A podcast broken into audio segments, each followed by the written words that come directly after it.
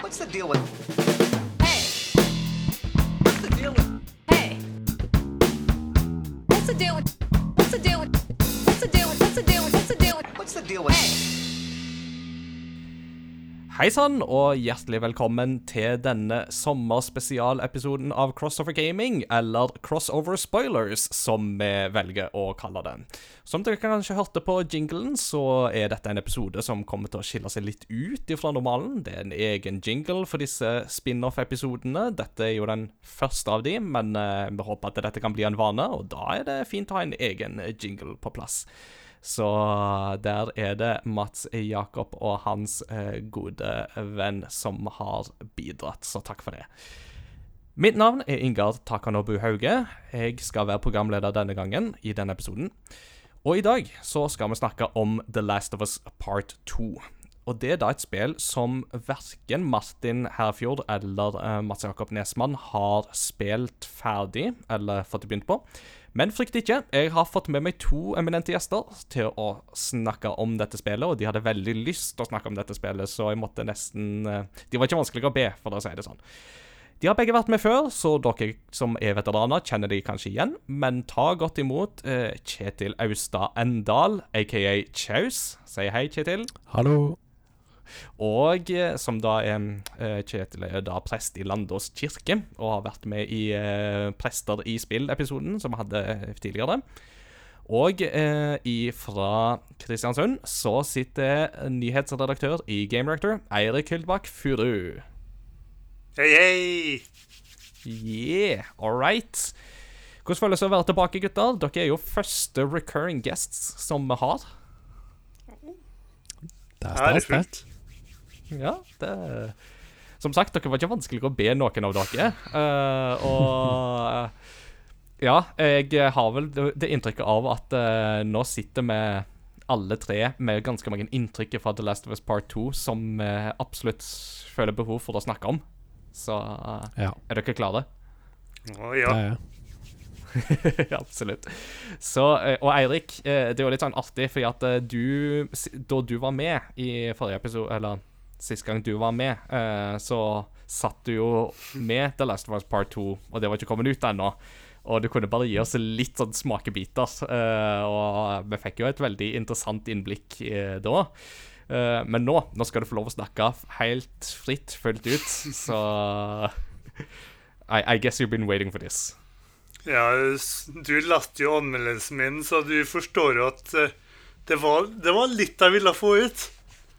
Ikke Ja. ofte at jeg skriver såpass langt, altså, men det, det var godt å få ut der og da. Selv om jeg Ja. visste at det kom til å bli delte meninger om det. Mm. Ja, det er jo kjempeinteressant at du poengterer, og det kommer vi jo helt sikkert litt inn på òg, dette med delte meninger og sånt. Um, så aller først, bare sånn for lytterne I denne episoden så skal vi snakke helt fullt og fritt om The Last of Us Part 2. Og hvis du ikke vil ha noen spoilere whatsoever, så avslutter du denne episoden nå, og så kommer du tilbake når du har spilt ferdig spillet. Vi kommer til å snakke om hele spillet fra start til slutt. Så hvis du ikke vil vite noen ting, eller ikke er helt ferdig, så vent med denne episoden til seinere, eller bare hopp over den. uh, og så, ja. Det heter Crossover Spoilers av en grunn, for å si det sånn. Så du må være forberedt på det. Jeg tenkte vi skulle begynne å snakke litt om det første The Last of Us. Um, bare litt sånn på en måte La oss Altså, dette er jo part two. Det er jo faktisk ikke The Last of Us 2. Det er jo del to av en helhetlig fortelling. Og da passer det jo greit å ta en litt sånn recap om det første spillet og vår opplevelse av det. Så Kjetil, eh, hva er ditt forhold til The Last of Us eh, fra 2013, altså det første? Jo, det er ganske sterkt eh, forhold. Det Jeg husker fortsatt da jeg satt gjennom og, og spilte gjennom det første gang. Uh, og jeg gjorde sånn som jeg ikke har gjort siden jeg var helt liten. At jeg måtte liksom sette meg liksom på huk foran TV-en og spille. Fordi det var så innmari spennende. at jeg måtte, jeg måtte ha med meg alt. Og jeg var på en måte så anspent gjennom så store deler av spillet, og eh, det var ikke noe, det var ikke noe avslapningsspill, akkurat. Det er liksom på hele tiden. Uh, og jeg bare husker jeg blei så um, Litt sånn som etter jeg har spilt par Part 2 nå, at det er et spill som på en måte er med meg når jeg spiller det, etter jeg har spilt det. Det er det første jeg, første jeg tenker på når jeg står opp om morgenen, og siste jeg tenker på før jeg sovner. Det er liksom Det bare surrer rundt i hodet hele tiden, da. Det, det der eh, nå, nå må jeg nesten på en måte trekke inn ditt yrke som prest her, fordi at det hørtes nesten ut som en sånn her uh, referanse til uh, trosbekjennelsen med at du skal liksom Det første når du står opp, og det siste når du legger deg. Så det er sånn Shem, Shema, uh. The Last of Us. eh, Så vi får håpe at din MF-lærer som hadde deg i fjerde Mosebok, ikke sitter og hører på nå, for da, da er det ut Nei, femte Mosebok. Femte Mosebok, da- ja, ja, ja. Da var det jeg som holdt på å irritere min lærer. Så. Ja, Nei, eh, så det er et uh, Altså, det er et spill som aldri har sluppet taket. Uh, og når jeg spilte det på nytt um, nå rett før Par 2 kom ut, så var det like sterkt som da jeg spilte det for første gang i 2013. At det Mm. bare setter seg i hele kroppen, altså. Og det er så mye de har gjort riktig med karakterbygging og tempo i historien og uh, Måten du liksom gradvis får vite ting, men ikke for mye.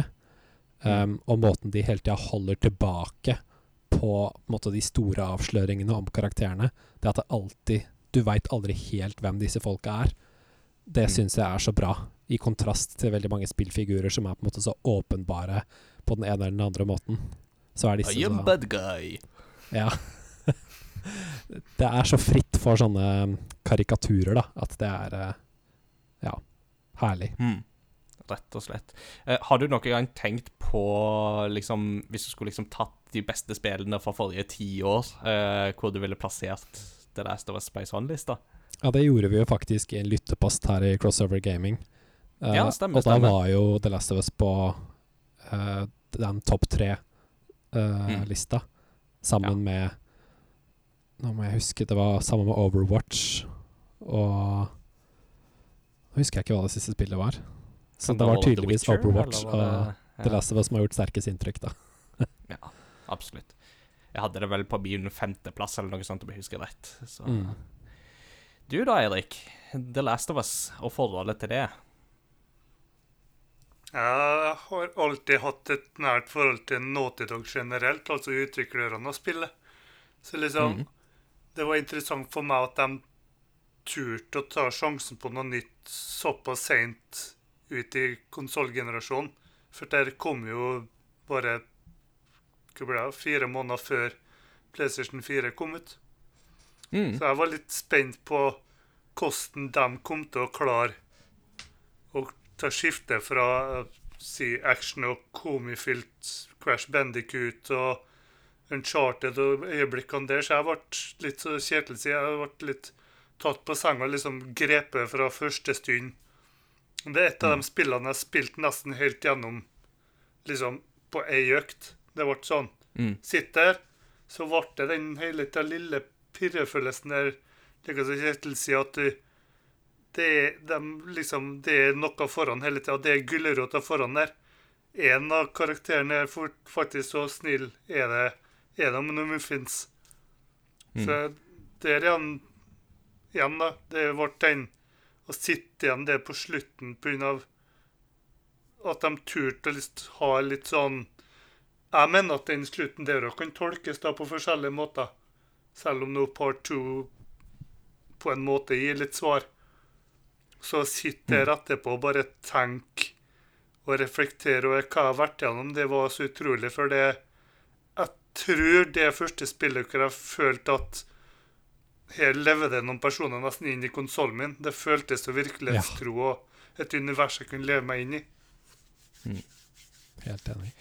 Ja, for, for det er noe med på en måte hele The Last of Us-universet som de virkelig har klart opp, Altså, det er få som klarer å naile den der, der postapokalyptiske følelsen på en såpass Jeg vil si realistisk måte som det universet jeg føler at The Last of Us da faktisk er. Eh, altså, Premisset er jo egentlig et veldig enkelt sånn what if-scenario. Ikke sant? Altså, hva hvis cordyceps-soppen, som jo faktisk er en reell soppart, kan mutere seg til å faktisk infisere mennesker. Altså, hvordan vil det utvikle seg? Og det er klart at når vi nå på en måte har opplevd en pandemi in real life eh, sånn for fullt, og du på en måte ser litt av på en måte de samfunnsstrukturene som blir veldig pressa i en sånn scenario, så, så, så setter det jo noen på en måte tanker i spinn om hvor godt de egentlig treffer i en sånn i et sånt scenario som er skildra. Uh, nå er jo The Last of Us jo et veldig på en måte ekstra katastrofalt tilfelle, i motsetning til i det vi lever i nå i 2020, heldigvis. Uh, men, uh, men ja, det er jo veldig interessant å se. Og ikke minst, som du sier òg, at de torde å slutte på en såpass på en måte Slutten i The Last of Us der og da er jo veldig åpen.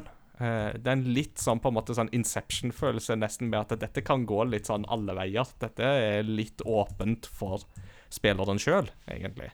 Og kan eh, Ja, hvor går dette videre? Hva tanker og følelser er det som spinner i da særlig Joel og Ellie på slutten der? Eh, Ja. Er jo virkelig Ja. Og de bevegelsene i øynene til Ellie i siste Mm. scene der. Måten Mm. hun liksom flakker med blikket, ser opp på Joel, ser ned, ser bort. Det Mm. bare Og så bare Å, OK, liksom den. Ja. Kjenner det beveger seg inni meg bare å snakke om det, for det er så, det er så sterkt, da. Ja, og det er jo det, ikke sant? Altså, The Last of Us er spill som rører noe i oss når Ja. vi spiller det, fordi realismen er så godt gjort. Altså, bare Det er lett for oss å glemme det nå sju år senere, men altså motion capture-arbeidet i The Last of Us er jo helt formidabelt. Det er det. Eh, og det, jeg spilte det jo nylig igjen sjøl for å varme opp til part two. Eh, og spilte det jo på faktisk PlayStation 3, eh, så jeg gikk ikke for den remaster-versjonen på PS4.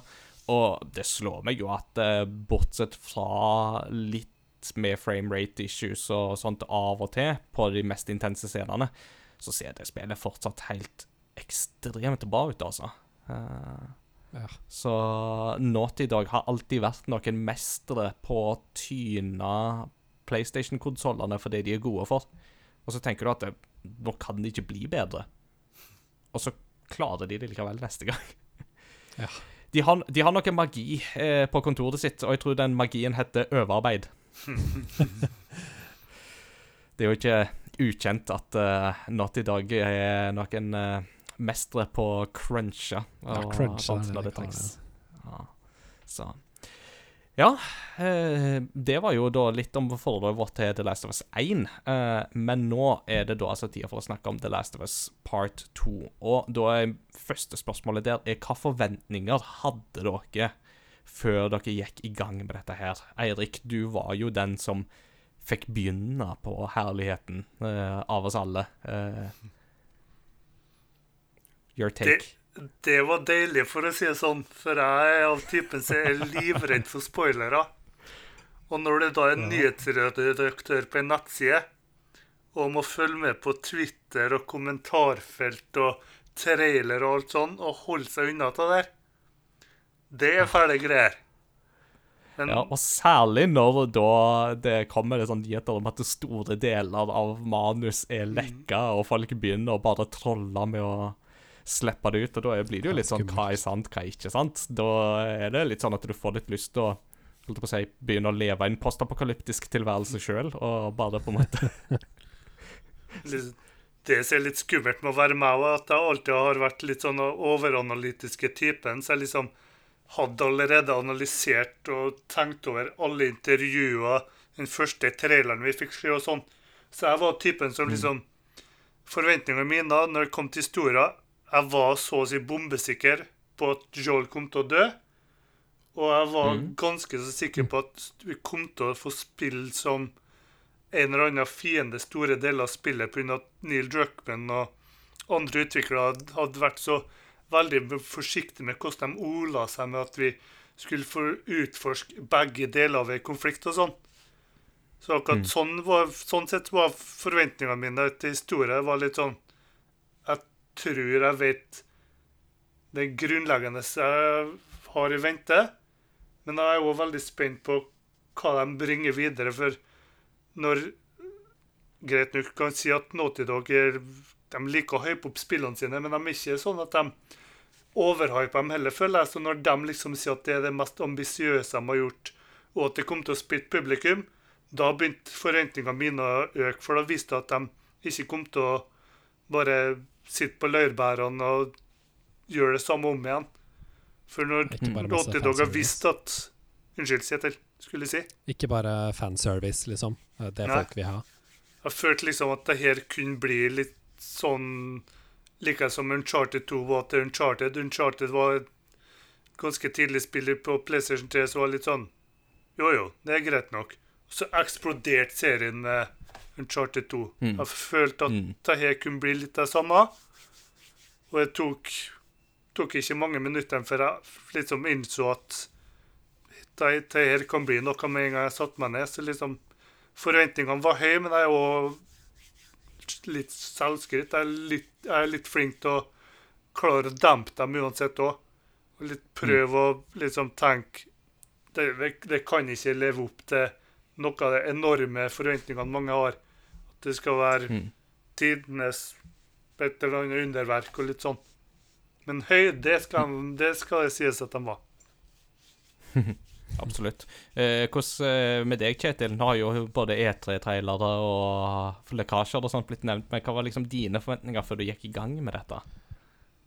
Jeg var Altså, jeg ble skeptisk da en oppfølger ble lansert, uh, fordi jeg syns historien, eller slutten særlig av part one, var en perfekt avslutning. Uh, og den Det som jeg nevnte tidligere med at noe av det som gjorde første spillet så bra, det var at du ikke fikk alle svarene. Mm. Uh, det var kjempemange ubesvarte spørsmål, både i liksom hvordan eh, ja, hvordan dette viruset hadde spredd seg. De, du fikk på en måte ikke se detaljene om de første årene etter det spredde seg. Du visste ikke alt om hvem Joel var. Du visste bare på en måte én stor monumental ting i livet hans. Mm. Og du veit veldig lite om Ellie sin bakgrunn nå, før du spiller Left Behind. Eh, og det at du vet så lite, det passa så bra til den slutten. Med at du Mm. ikke får svar på hva Ellie vet, eller hva hun tror, og hva, ja, hva som er sant, og hva som ikke er sant. Så det at de skulle lage en oppfølger til et på mange måter et perfekt spill, da, det Ja, da begynte jeg å bli litt i tvil på om dette kunne ha noe for seg. Var du av de som liksom tenkte at uh, The Last of Us trenger ikke en oppfølger? Ja, Eh, mm, jeg ja. tenkte det. Men for, jeg- jeg samtidig så så tenkte jeg Altså da det begynte liksom å ideen begynte å modnes litt, da. At uh, uh, Jeg prøvde å holde meg helt unna trailer og intervjuer og sånne ting. Jeg hadde bare sett den derre um, ene traileren fra den låvefesten med Ellie og Mm. Dina. Mm. Um, og det var kanskje etter jeg så den traileren, og jeg på en måte begynte å skjønne at nå skjer det faktisk, og det kommer til å bli svært, og mest sannsynlig enda større enn Part 1. Og det, når så flinke folk klarer å lage et Altså, det er Naughty Dog vi snakker om, og når de klarte å lage The Last of Us, og de har brukt sju år på å lage neste spill, det kan jo ikke bli annet enn bra da. Så da Nei. ble skepsisen gradvis erstatta av en sånn voldsom forventning som eh, Mm. Ja. Og det, og det skal jo sies liksom litt altså Jeg vet ikke hvordan det er for dere, men altså min erfaring med Naughty Dog er jo begrensa til det de har laga fra PlayStation 3 og utover. Men jeg har jo aldri spilt et Naughty Dog-spill som jeg har mislikt. Altså, de har alltid laga gode, underholdende spill, men òg som The Last of Us, og for så vidt en viss grad òg Uncharted 4, har jo òg vist at det er jo spill som virkelig kan få deg til å tenke, og kan på en måte sette litt på en måte sånn prosesser i sving, da. Uh, og det er jo veldig gøy når en spiller Uncharted 4, for der har du jo Jeg vet ikke, er Druckman med i utviklinga av Uncharted 4? Eh, Ja. ja. Det var han Nei, det og Bruce Straley som overtok når eh, Amy ga seg. Ja, riktig. Eh, og, og det merker man jo på tonen i Uncharted 4. Det er en helt annen tone over seg enn det Uncharted 1-3 har. Det er mye mer Ja. på en måte tid til refleksjon og ettertanke, og et mye dypere alvor i det spillet enn uh, enn 1-3 hadde. Og en Eh, nydelig slutt. ja, ja åh, det er bare hele på en måte Ja, Hele det på en måte var- den dynamikken òg i Uncharted 4 med, med Drake og eh, Og Elena òg er jo veldig spennende, syns jeg, og viser jo liksom litt av hvordan den serien har fått modnes. Eh, Men det er ikke det spillet vi skal snakke om og spoile. Det, det, får vi ta, det får vi ta en annen gang. Eh, men det er jo naturlig å på en måte pense litt inn, da. Jeg har et litt spørsmål til dere to. Så dere nevner at dere liksom ikke hadde håpa på en oppfølger. Da blir litt spørsmålet mitt Når dere da går inn i spillet her, hva håper dere egentlig at spillet kom til å ta på seg? At det kom til å ta opp?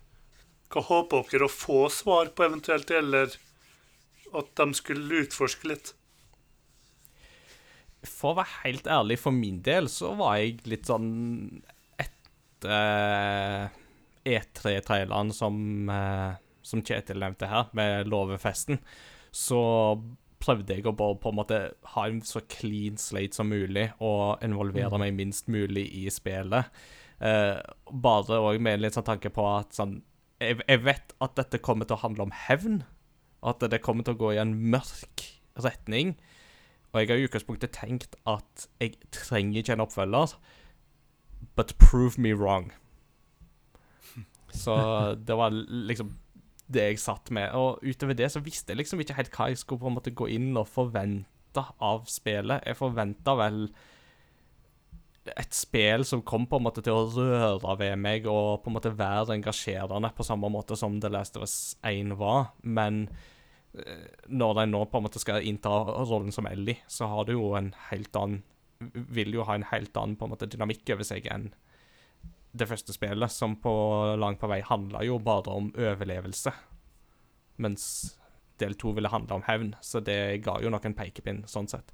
Men forventningen var vel ellers egentlig på en måte et større, penere spill som å kunne by på enda strammere spillmekanikk.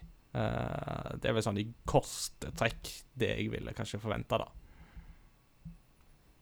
Ja, jeg også prøvde meg på en veldig sånn blank slate uh, og ikke tenke så mye på, på hva spillet kom til å være. Iallfall ikke historiemessig.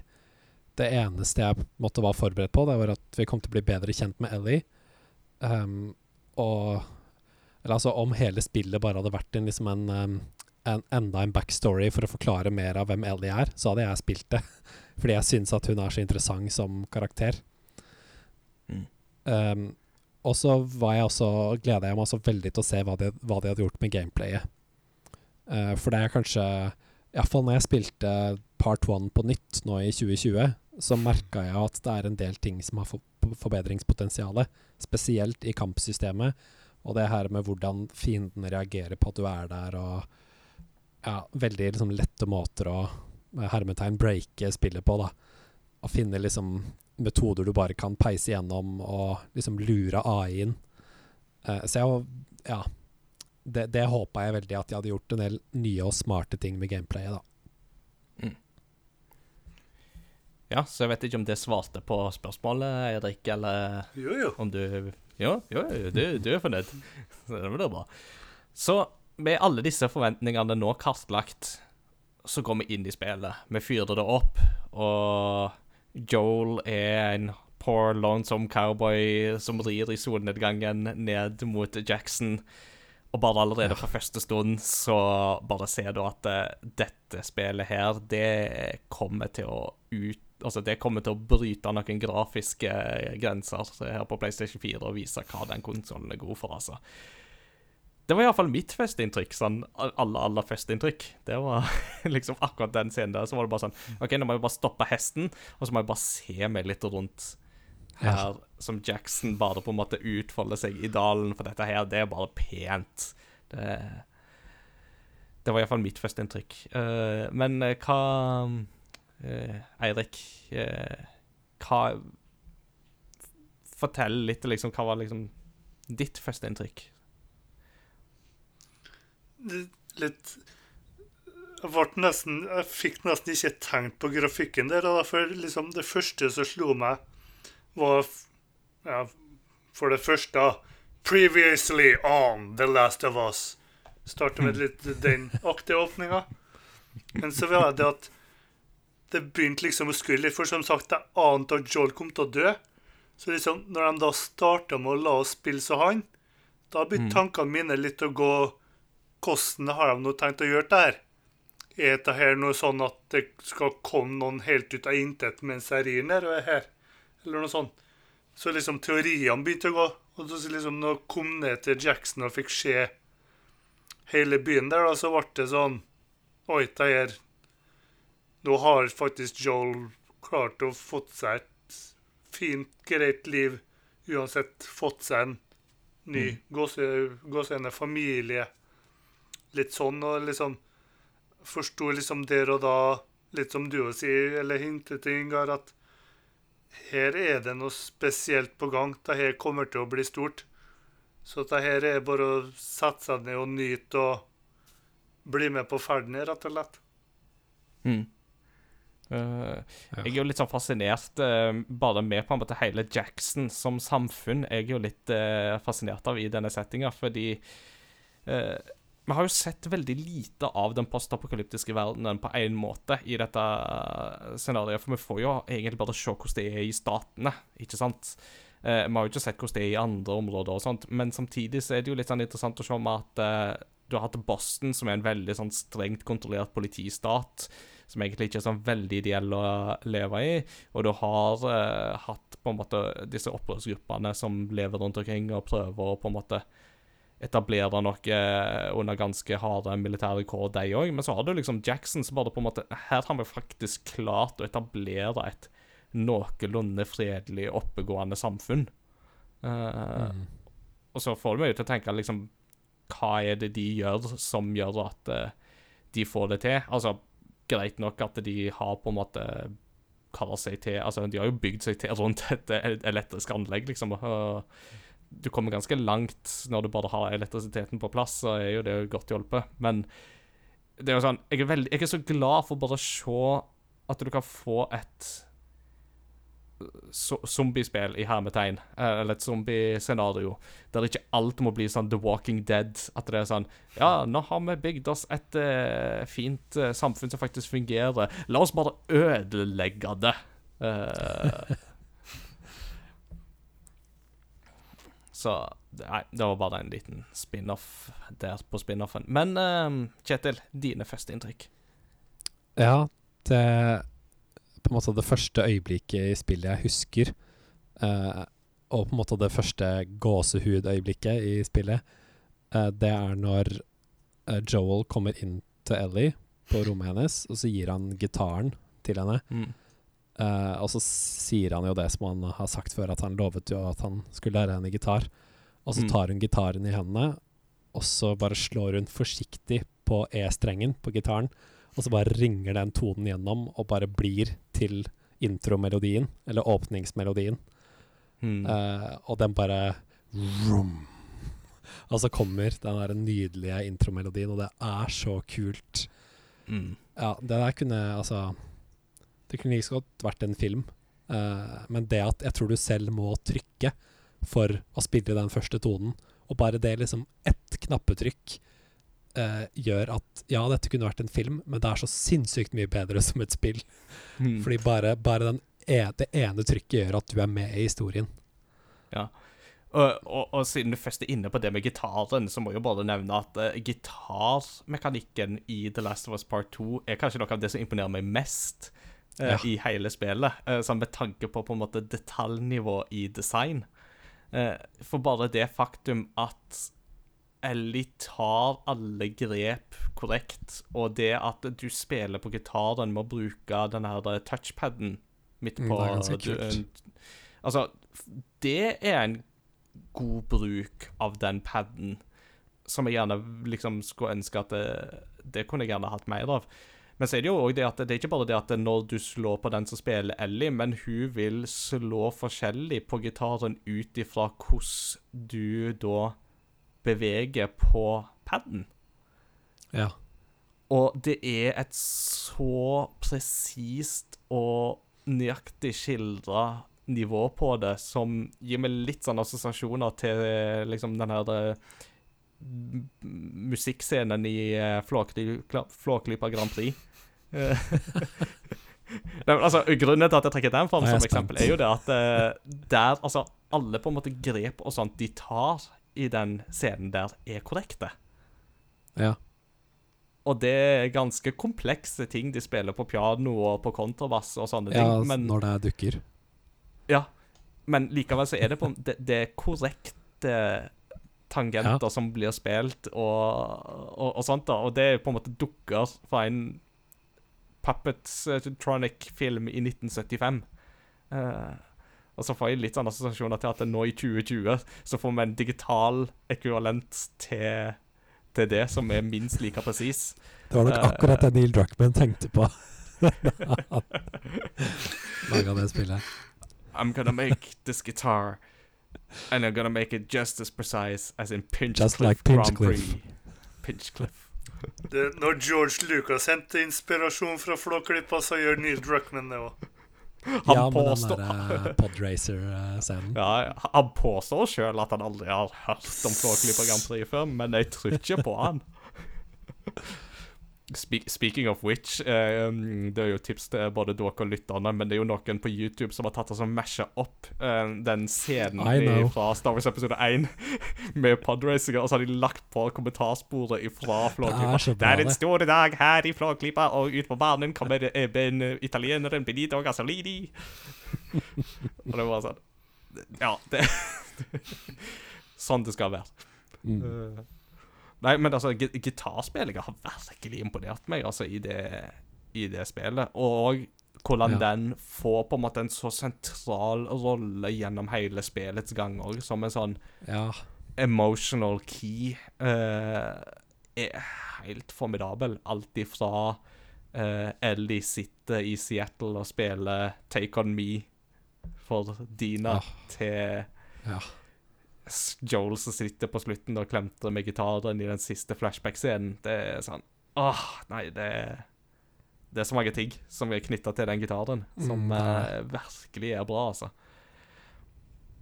Men Eirik, etter hvert så fikk du jo rett. Uh, eller det vil si, det tok, tok jo ikke lang tid før uh, Før Joel kreperer. Og Den vil jeg gjerne høre dere sin på først, siden dere nok ikke var like forberedt på det som meg. Ja. Jeg må innrømme at jeg var ikke Jeg tenkte jo ikke at de kom til å gjøre det. Uh, mest fordi Joel hadde dukka opp i litt trailere og litt sånt. Uh, så det lille jeg hadde Ja, sett, hadde jeg litt sånn inntrykk av at han skulle nå være med, og han skulle nå se eldre ut enn det han gjorde i det første spillet. Så min tanke var jo at det kanskje kom til å være en sånn vekseleffekt, eller at det var at Joel skulle Holdt på å si redde ja, Ellie skulle redde Joel, eller noe sånt. At det var det som var på en måte premisset denne gangen. Men, eh, men nei, altså, det tok liksom ikke lang tid for det bare sånn Å, OK, han redda deg i snøen, og du klubba ned med en golfkølle. Og det er liksom da òg du bare får på en måte innsett hvor brutalt dette spillet kommer til å bli ja. men òg hvor Ja, hvor vågalt det er av uh, utvikleren òg. Og bare på en måte sånn Nå tar vi og dreper han som veldig mange har ansett som en helt uh, gjennom første spillet. Uh, og det kommer vi jo litt tilbake til, men eh, vi må jo liksom da pense inn på om liksom Joels rolle, om han, hvorvidt han er en helt eller ikke. Eh, det kan vi jo komme litt tilbake til òg. Men Kjetil, hva, de dine Ja. tanker om det? Eh, jeg, i motsetning til deg, Eirik, jeg hadde, visste ingenting om Altså, jeg hadde ikke teoretisert og på en måte tenkt meg fram til hva som kunne skje. Så det var eh, Det var som lyn fra klar himmel for meg òg. Altså det at det skjedde. Men i det det skjedde, så tenkte jeg ja, selvfølgelig. Selvfølgelig blir han drept. Han er jo en ettersøkt terrorist. Han har jo på en måte ødelagt et helt uh, nettverk av Fireflies og alle ringvirkene det har fått. Uh, så jeg, jeg tipper det er flere enn Abby der ute som har lyst til å ta livet av han. Uh, Mm. Så jeg blei på en måte sjokkert i det derre Altså både det at det skjedde så tidlig, um, og måten det skjedde på. Men jeg tenkte aldri at det var noe feil.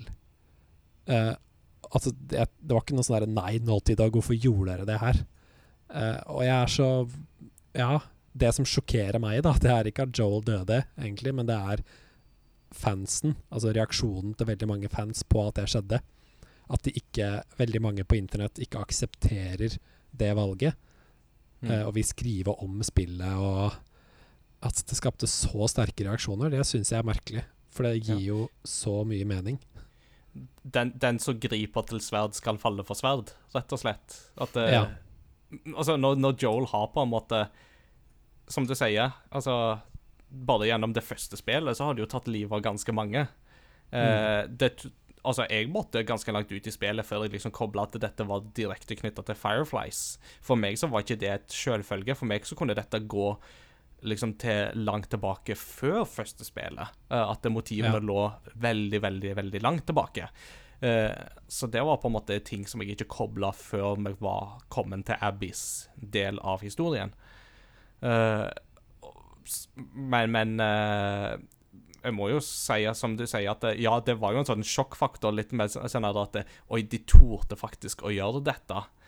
Og s- Og at det, i, på en måte så var ikke det på en måte det som på en måte rocka mest med meg, ved meg. Men når en da seinere ser grava med Joel Miller sitt navn på, da bare kjente jeg OK, this is real. Ja, Det kjente jeg. han er faktisk død. og det var faktisk da det på en måte gikk litt inn på meg, og særlig òg når, når de går til Joel sitt hus, og du ser alle som på en måte har Altså, hvor får du så masse blomster fra i et postapokalyptisk scenario? Det lurer jeg på. Du har vel ingen blomsterhandler Rosengren der, tenker jeg. Det er vel ikke det som er på en måte første prioriteten din, men allikevel. Det havet med blomster som bare viser at Joel har blitt en del av dette lokalsamfunnet. Han har blitt en sentral og viktig del. De er faktisk glad i han. Han var ikke bare en crazy old man som bare snakket om liksom alle farene der ute. Nei, han var blitt en viktig del av det samfunnet. Og når du går Ja. inn i huset òg og ser alle på en måte tingene som ligger igjen i huset, alt ifra bildet med han og Sarah til alle gitarene han har laget, til Ja, disse der brukte jeg lang tid, på altså. Ja, det var På å gå rundt. Ja, for meg òg så var det sånn dette, her, dette skal jeg ta inn over meg. Og, og det ble litt melankolsk og trist, altså. At da var det sånn Ja, han var ikke mors beste barn. Det, han har nå hatt sitt, men uh, det er noen sider ved han her òg som har på en måte Altså, det er en veldig sånn menneskeliggjøring av Joel, absolutt. Eh, som jo hans fiender ikke ser.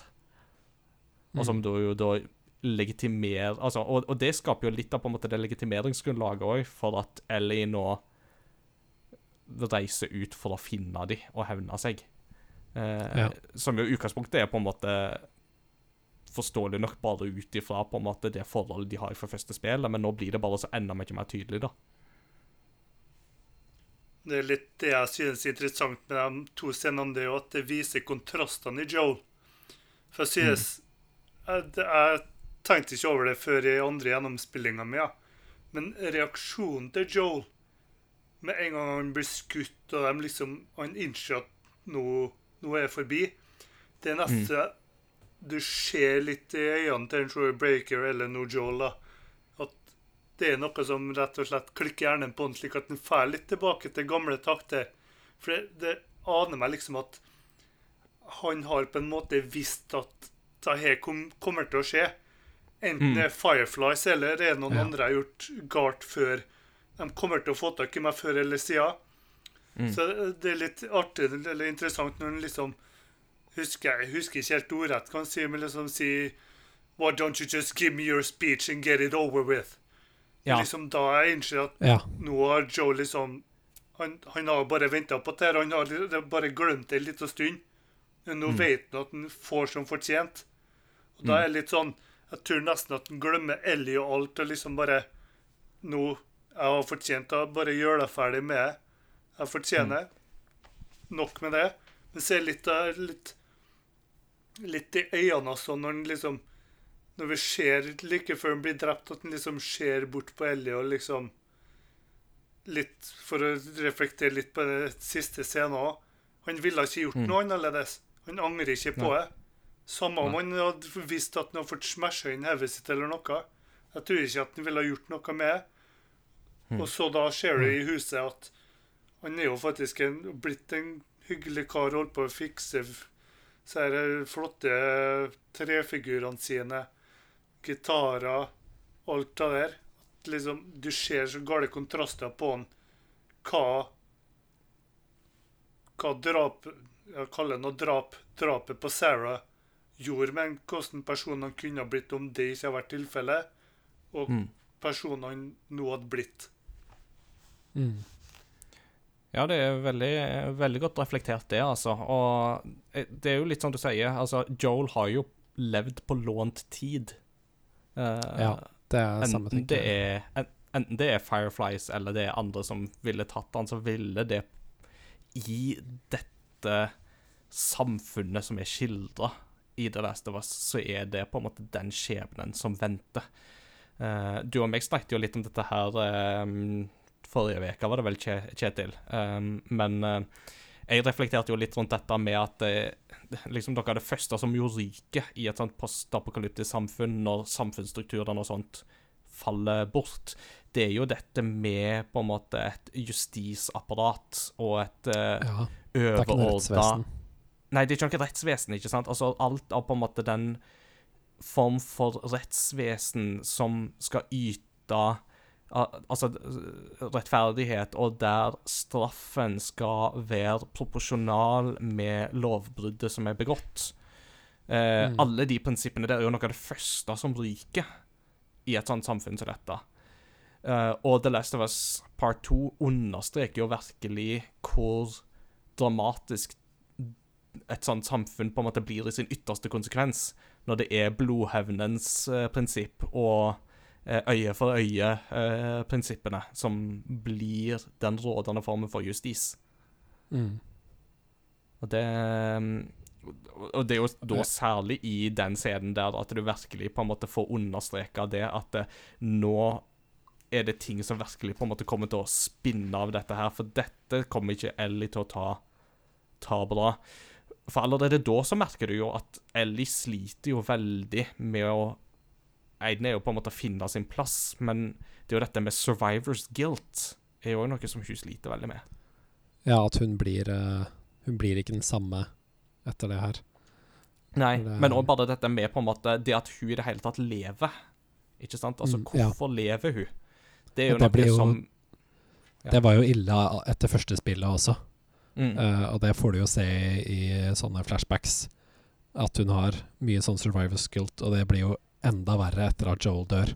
mm, Enda sterkere. Uh, og det, det kan vi jo ta liksom uh, litt mer om uh, med, med slutten.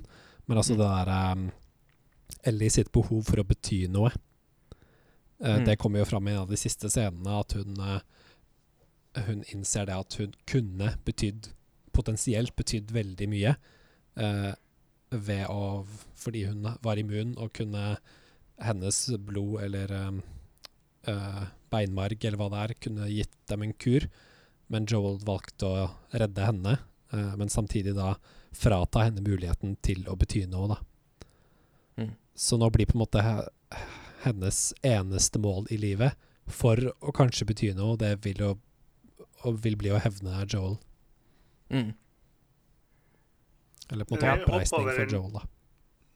Vi hoppa over en liten del her nå, for igjen, dere to har vært litt sånn nesten på blackout. For jeg hoppa over den delen første gangen vi får spille som Abby. Og da kommer mitt Ja. spørsmål hva, hva tenkte dere to da? For jeg Mm. tenker meg at da har ikke dere sett Paris Games Week-traileren heller, hvor vi ser Abby for første gang, hvor den scenen hvor hun ble hengt og sånn. Så liksom, Mm, hva. Mm. begynte dere å tenke når dere fikk kontroll over Ellen Abby? Ja. eh, altså, mitt første inntrykk av Abby var jo i utgangspunktet at eh, Oi, her har du virkelig en cocktail på at sinte fans vil gi dødstrusler. Eh, for det er liksom bare Altså, én ting er jo at det, hun tar jo livet av Joel, som bare i seg sjøl er på en måte dramatisk nok til at eh, fans blir sinte. Men på toppen av det hele så har du Altså, Abby er så på en måte utypisk kvinne i gaming som en ofte kan få det. fordi hun er så bøs og så på en måte no nonsense. Og hele den der Altså, hele det der teite argumentet med at «Øh, jenter kan ikke være muskuløse. uh, urealistisk. Og det er bare sånn Herlighet. Ja. det- at, altså, har vi i det hele tatt de diskusjonene ennå? Men allikevel så er det på en måte Det er så mange elementer ved Abby som vi bare liksom ser for meg at det, dette er noe haters are so gonna hate on. Eh, men nå er jeg veldig spent på på en måte å få hennes motiver. Eh, for det er jo den umiddelbare reaksjonen etterpå. Det er sånn, Jeg skjønner Jeg kan skjønne mange grunner til at Joel blir drept, men hvorfor? Hva eksakte grunn er det? Mm. uh, og vil vi i det hele tatt få det? Men Hvis du, hvis du tenkte på den eh, Eller det du spurte om, Erik, eh, tenkte du da på den aller første scenen? Altså det Ja, for nå hoppa Ingar der- veldig langt. Vi skal holde Mm. i tolv timer. Ingar, jeg har ikke hoppa dit ennå. Nei, nei, nei, Tenker på første sekvens, Ja, når du Ja, kommer ja, i ja, soveposen. Ja, Ja, ja, ja, ja, riktig, riktig. riktig. der tenkte jeg svært lite, egentlig. Eller jeg Jeg reagerte ikke på det at hun var muskuløs. Eh, Det tenkte jeg ikke på. Eh, Jeg tenkte å ja, der er det en ny person, eh, og hun har en kanskje kjæreste, kanskje eks. Oi, og så er det en tredjepart inne i bildet som har blitt gravid. Ops, trekantdrama. Og så ser de Jackson der nede. Ingenting mer, egentlig, enn at her er det tre nye karakterer som vi skal bli kjent med. Hvem er dere? Mm. Mm. det ante meg virkelig ikke at det her kom til å være en person som Altså som kom til å bli så direkte Jeg skjønte at fortellingene kom til å bli fletta sammen på et tidspunkt, men at det kom til å være på en så brutal måte, det, det ante jeg ikke. Ja, for det, det liksom, helt- det første, første som slo meg etter å se at Naughty Dog igjen absolutt skal vise hva utrolig flink de er til å vise realistisk tøy og sånn, er at du tar av seg den soveposen her. For det er jo, som jeg har sagt før, det er en grunn til at utviklere aldri viser folk ligge under dyna og sånn. Det er jo pga. at det er vanskelig. Men etter det Ja. så ble det igjen Hvem i alle dager er dette her? Så ble det litt den sakte, men sikkert liksom Hører, og vi vet hvor han er. Han er i en liten by. Han er der. Da liksom Det første som slo meg, da var at det var Joel. Og da begynte liksom at Da begynte igjen så tankene å slå seg at hun her er ute etter ham. Så det var litt fascinerende. Det var da jeg forsto at det her kom til å gå en plass, men at det skulle da ta såpass lang tid før vi fikk spille som henne. Det fikk jo meg på helt andre tanker. Mm. Ja, hvis jeg skal være helt, helt ærlig, jeg hadde jo nesten glemt det at du får spille som henne helt så tidlig i spillet. Ja, jeg også hadde glemt det før du sa det nå. Eh, men, men det er jo veldig interessant. Jeg spilte tre ganger, eh, hva jeg husker. Ja, ikke sant? Eh, og, og det er jo litt sånn gøy, da, for at med liksom Ellie og Dinas patrulje og med Abbys scener der i begynnelsen, så har du jo fått noen av de på en måte viktigste ingrediensene på kampsystemet i spillet. Og de grepene som de har tatt, tatt, tatt der, da Bare det enkle faktum at Å ja, nå kan du gå helt ned på magen og krype.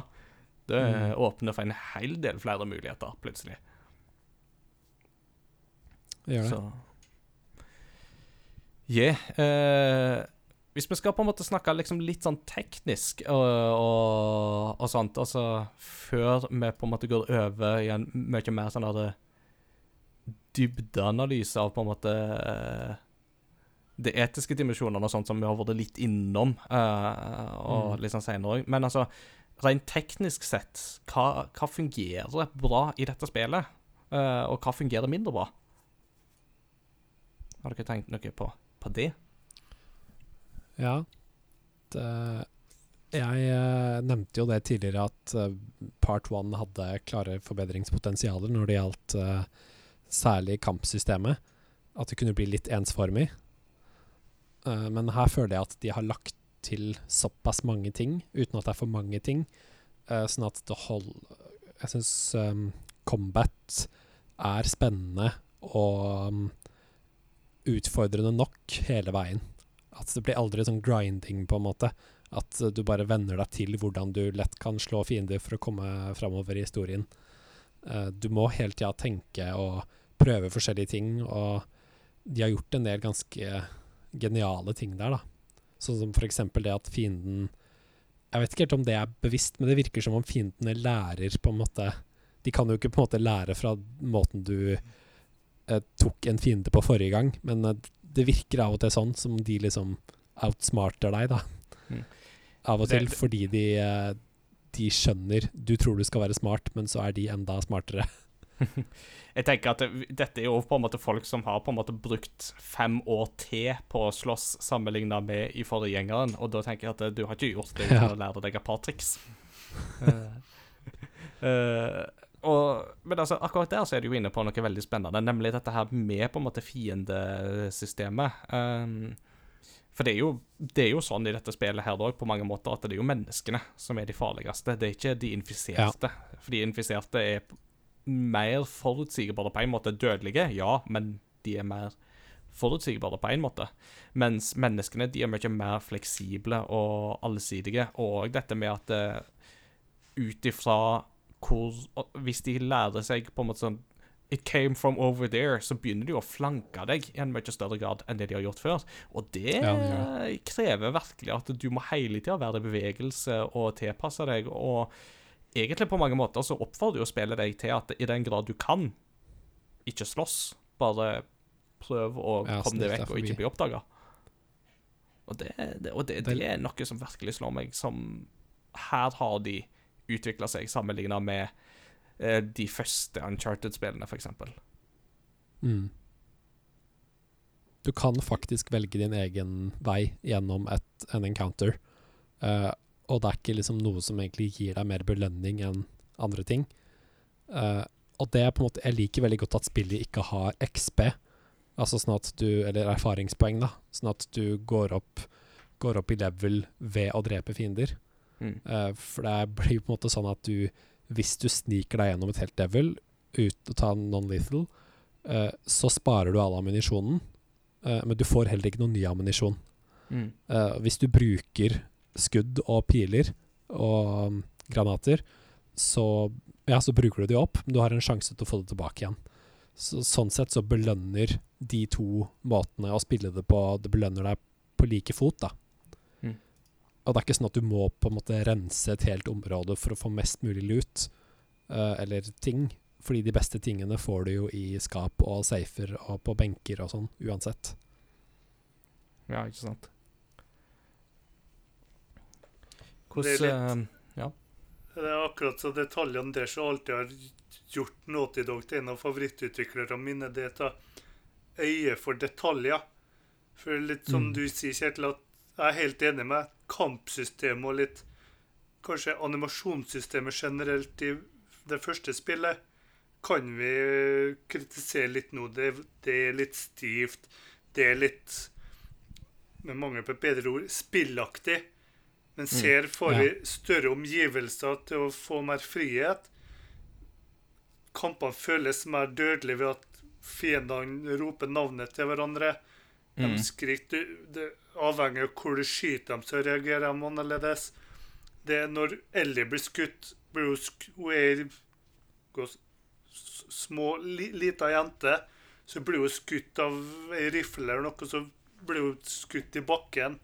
mm. Ja. Slike ting. Det er så detaljene der du, du føler dødeligheten. Jeg ble, jeg ble jo helt paff først da liksom Ellie ble skutt i bakken. liksom, Oi, hva, hva, hva, hva, gjør jeg nå?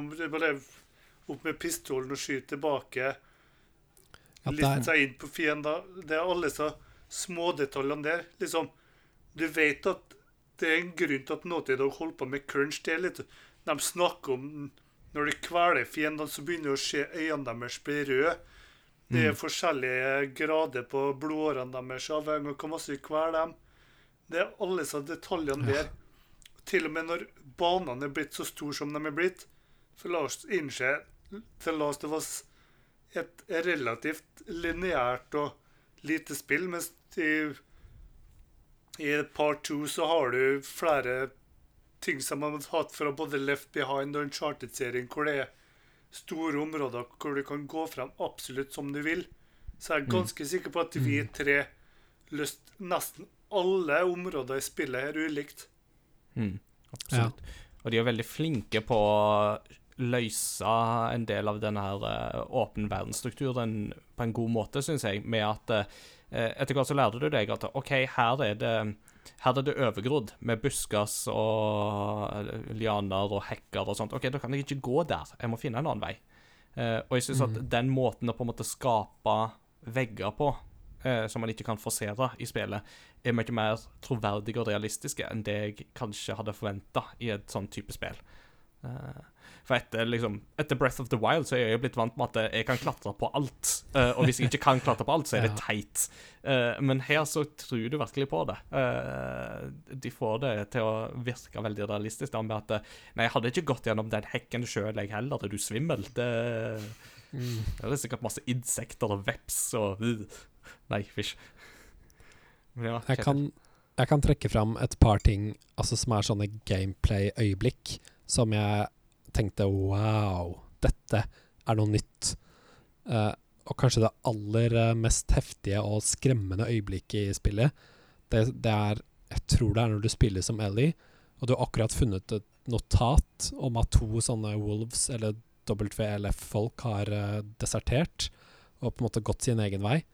Uh, og så er du inne i et hus der du finner en sånn workbench. Og det er alltid Det er så deilig å finne workbenches i The Mm. Last of Us, fordi da liksom Nå skal jeg ro og mak, bare se gjennom hvilke materialer jeg har, gå gjennom alle mulige oppgraderinger, og liksom nøye planlegge hva jeg skal oppgradere. Og så er du inne i menyen på en workbench, og så ser du plutselig en sånn Hører du en stemme og en arm som bare tar tak i deg og river deg bort. Og så hører du bare tuk, tuk, tuk. Ja. Og det at de Og så plutselig kommer du i en combat encounter med de her uh, wolves som har stikket av fra Mm. gruppen sin. Og det at de tør å gjøre noe sånt, uh, det, bare, det bare brøt hele Altså Ja, du er liksom det ene stedet i spillet du kan slappe av. Og liksom du tror at tiden står litt stille. Litt sånn safe room i ut av det, Resident Evil. eh, Litt, litt sånn safe room i Resident Evil 2-følelse. Og så plutselig blir ja. ødelagt med at Mr. X kom inn og bare Surprise! Det er som du skulle vært liksom, i den Top Secret World i Super Mario World, hvor du bare går inn for å liksom få Yoshi og noen, eh, og noen blad eller sopper eller hva det er. Eh, og så plutselig kommer Boser inn der. Bare, det er ikke greit, Eh, men altså, samtidig så genialt. Altså, jeg, jeg skjønte umiddelbart når jeg hørte de der fottrinnene som kom, at det var bare sånn Åh, Fillen, nå er de her. Og så var det bare sånn, så begynte jeg bare å trykke på alt på kontrollen, for da hadde jeg helt glemt. Hva, var det som var avbryt nå igjen? Uh, og det hjelper jo ikke at uh, jeg kjøpte jo min PlayStation 4 i Japan, så X og sirkel er jo motsatt uh, hos meg. Ah, så ja. sånn. I noen spill så er det jo liksom X er confirm og sirkel avbryter, avbryt, men i nyere spill så har det ofte vært at uh, det følger det japanske systemet med at uh, sirkel er confirm og X er avbryt. Og så glemmer jeg alltid fra spill til spill hva det er som er hva. så det var bare på en måte masha jeg alle knappene, og jeg klarte ikke å komme løs i tide, da, men jeg kjempa det jo ifra meg, selvsagt. mm. Så Det sies akkurat det området Kjetil nevner, det er et så godt eksempel på nesten alt som er bra med design av omgivelsene her. Da har du det tilfellet du snakker om, Kjetil. Så har du på motsatt side av bygget så har du jo det jeg synes var en av de mest fascinerende eh, safe-kombinasjonene. For jeg fant ikke den lappen hvor det sto liksom Kombinasjonen her er bryllupsdagen vår, bla, bla, bla. Så jeg liksom Ja. jeg, det, det nevnte jeg i anmeldelsen min, for det fascinerte meg rett og slett. Ingar. Ja, for jeg var sånn der med at jeg fant ikke den lappen, men jeg åpna safen likevel. For jeg Ja. så kalenderen. Ja, akkurat som meg. Jeg liksom bare gikk rundt der, så tenkte jeg Hva ville personen som bodde her, liksom brukt som kombinasjon? Liksom gikk jeg bort til kalenderen. Bryllupsdagen? Nei, nei, nei. Det her var klokka tre på natta, så jeg var litt trøtt, så jeg tok faktisk bare akkurat den øh, jubileumsdagen i 2022, eller hva nå var først, da. Så måtte jo hodet begynne å tenke å ja, det er jo første, når de faktisk gifta seg litt sånn. Åpne safen der, da, så bare Yes! Det er det eneste i hele verden som fikk det. Bare er et geni. I am so smart. I am so smart. Så like, like før det så har du jo det her med imponerende taufysikk, hvor du kan bruke tauet til å komme deg inn over til Ja. en annen hvor det er fullt av saker og sånn. Mm. Og det, det er så detaljene der. Det, Og bare måten hun kveiler tauet på. ja. Ja. Det, Det er det er så små kult. detaljene Det er rett og slett bare hvor jeg liksom tenkt hmm, liksom, Det er til og med det å knuse ruter og sånn, liksom Jeg har alltid tenkt liksom Hvorfor går ikke dette her an? Inngår og leser mm. artiklene mine hvor jeg nevner ting som jeg synes er latterlig spill. Liksom alt her Om jeg trodde at det var en løsning som liksom kunne gå, så gikk det for det aller meste. Utenom en viss skarpskyttersekvens vi kanskje skal snakke om senere. Mm. For det liksom, Ja. det er bare så detaljene der i et såpass stor verden, og at de klarer å få den til å føles så levende som at la oss gjøre som vi stort sett vil. Mm. Det er så utrolig deilig å liksom det Innlevelsen blir total, rett og slett. Mm. Jeg elsker at uh, Ellie kan eh, knuse alle, så å si alle ruter hun kommer over, mens Doomguy ikke kan gjøre det. Og den følelsen av å knuse ruter er så god. Det kjennes Altså, jeg har aldri knust en rute sånn med vilje, iallfall, i mitt liv. Men jeg tror det må være cirka sånn. Du bare virkelig føler det. Men jeg er jo Kommer til å sånn starte noe, Kjetil. Jeg må knuse litt rute for å ha sammenligningsgrunnlag. Akkurat som at gåserelaterte kriminelle aktiviteter gikk til værs etter Untitled Goose Game, så kommer nå uh, knuste ruter kriminelle aktiviteter til å skyte i været. Hæ? Eh, men jeg tenker liksom hver gang jeg har knust ei rute, og så skal jeg klatre over, så er jeg bare sånn Nei, nei, nei, nei du må passe deg for glasskår. Kan enda ligge litt igjen. Så jeg bare sånn Jeg bare vente liksom på et tidspunkt at enten eller Ellie eller. Abby skal bare kutte seg noe til blods eh, på liksom, glasskår. Og bare sånn Nei, nei, nei, nei. Ting som Ingar er redd for i hverdagen. Glasskår. Ja. Jeg hadde klart meg veldig bra i dette postapokalyptiske samfunnet, som dere kjenner. Det Ble en skikkelig god kort å sommer på så kortene, da, sikkert, kan jeg tenke meg. ja. ja, jeg føler jeg klarte å få tak i en del av disse kortene. Og jeg syns jo det var en litt sånn gøyal kontinuasjon Ja, av denne tegneserien. Ja, fra tegneserier til samlekort. Det syns jeg er en veldig naturlig følge. Uh, så Og det første jeg tenkte på da jeg plukka opp de første kortene, det er at um, det er ikke enten villain eller hero, men det er en skala. mm. Uh, og det er en veldig sånn eh, En klar parallell mellom det og det faktum at dette spillet har ingen klare helter og ingen, ingen klare skurker. Mm. At det er liksom sånn gråtoneskala når det gjelder uh, uh, For å sitere GTA 4, 'Just shades of grey'. Som han Nico Bellic får høre. At det er liksom ingen god eller ond. Mm. Jeg tenker på i um, uh, Altså, det er jo litt sånn uh, Når du snakker om det, så um, bringer du jo litt sånn over på på en måte Vi har jo snakket om dette med animasjoner, og du og Eirik har jo allerede vært litt inne på dette med hvordan du ser fortvilelsen i dem når uh, du kveler folk og, og sånt. Og det er jo en sånn interessant greie, for at dette spillet er ekstremt detaljert på det området og føles veldig realistisk og, og sånt. Eh, men så er det jo noe med at den Samtidig så føles det jo veldig brutalt når en holder på sånn som dette. Eh, og det er jo litt Altså, jeg og Kjetil har iallfall snakka litt om dette, tror jeg, men det er jo noe med at eh, i einen så spiller du jo for å overleve. Der er det jo overlevelse som er på en måte den overordna tematikken. Det er bare rett og slett å overleve i en brutal verden. Det er det å overleve for å få brakt Ellie fram til mål. Og til syvende og sist handler det om menneskehetens overlevelse, med at Ellie er immun og kan være grunnlaget for en vaksine.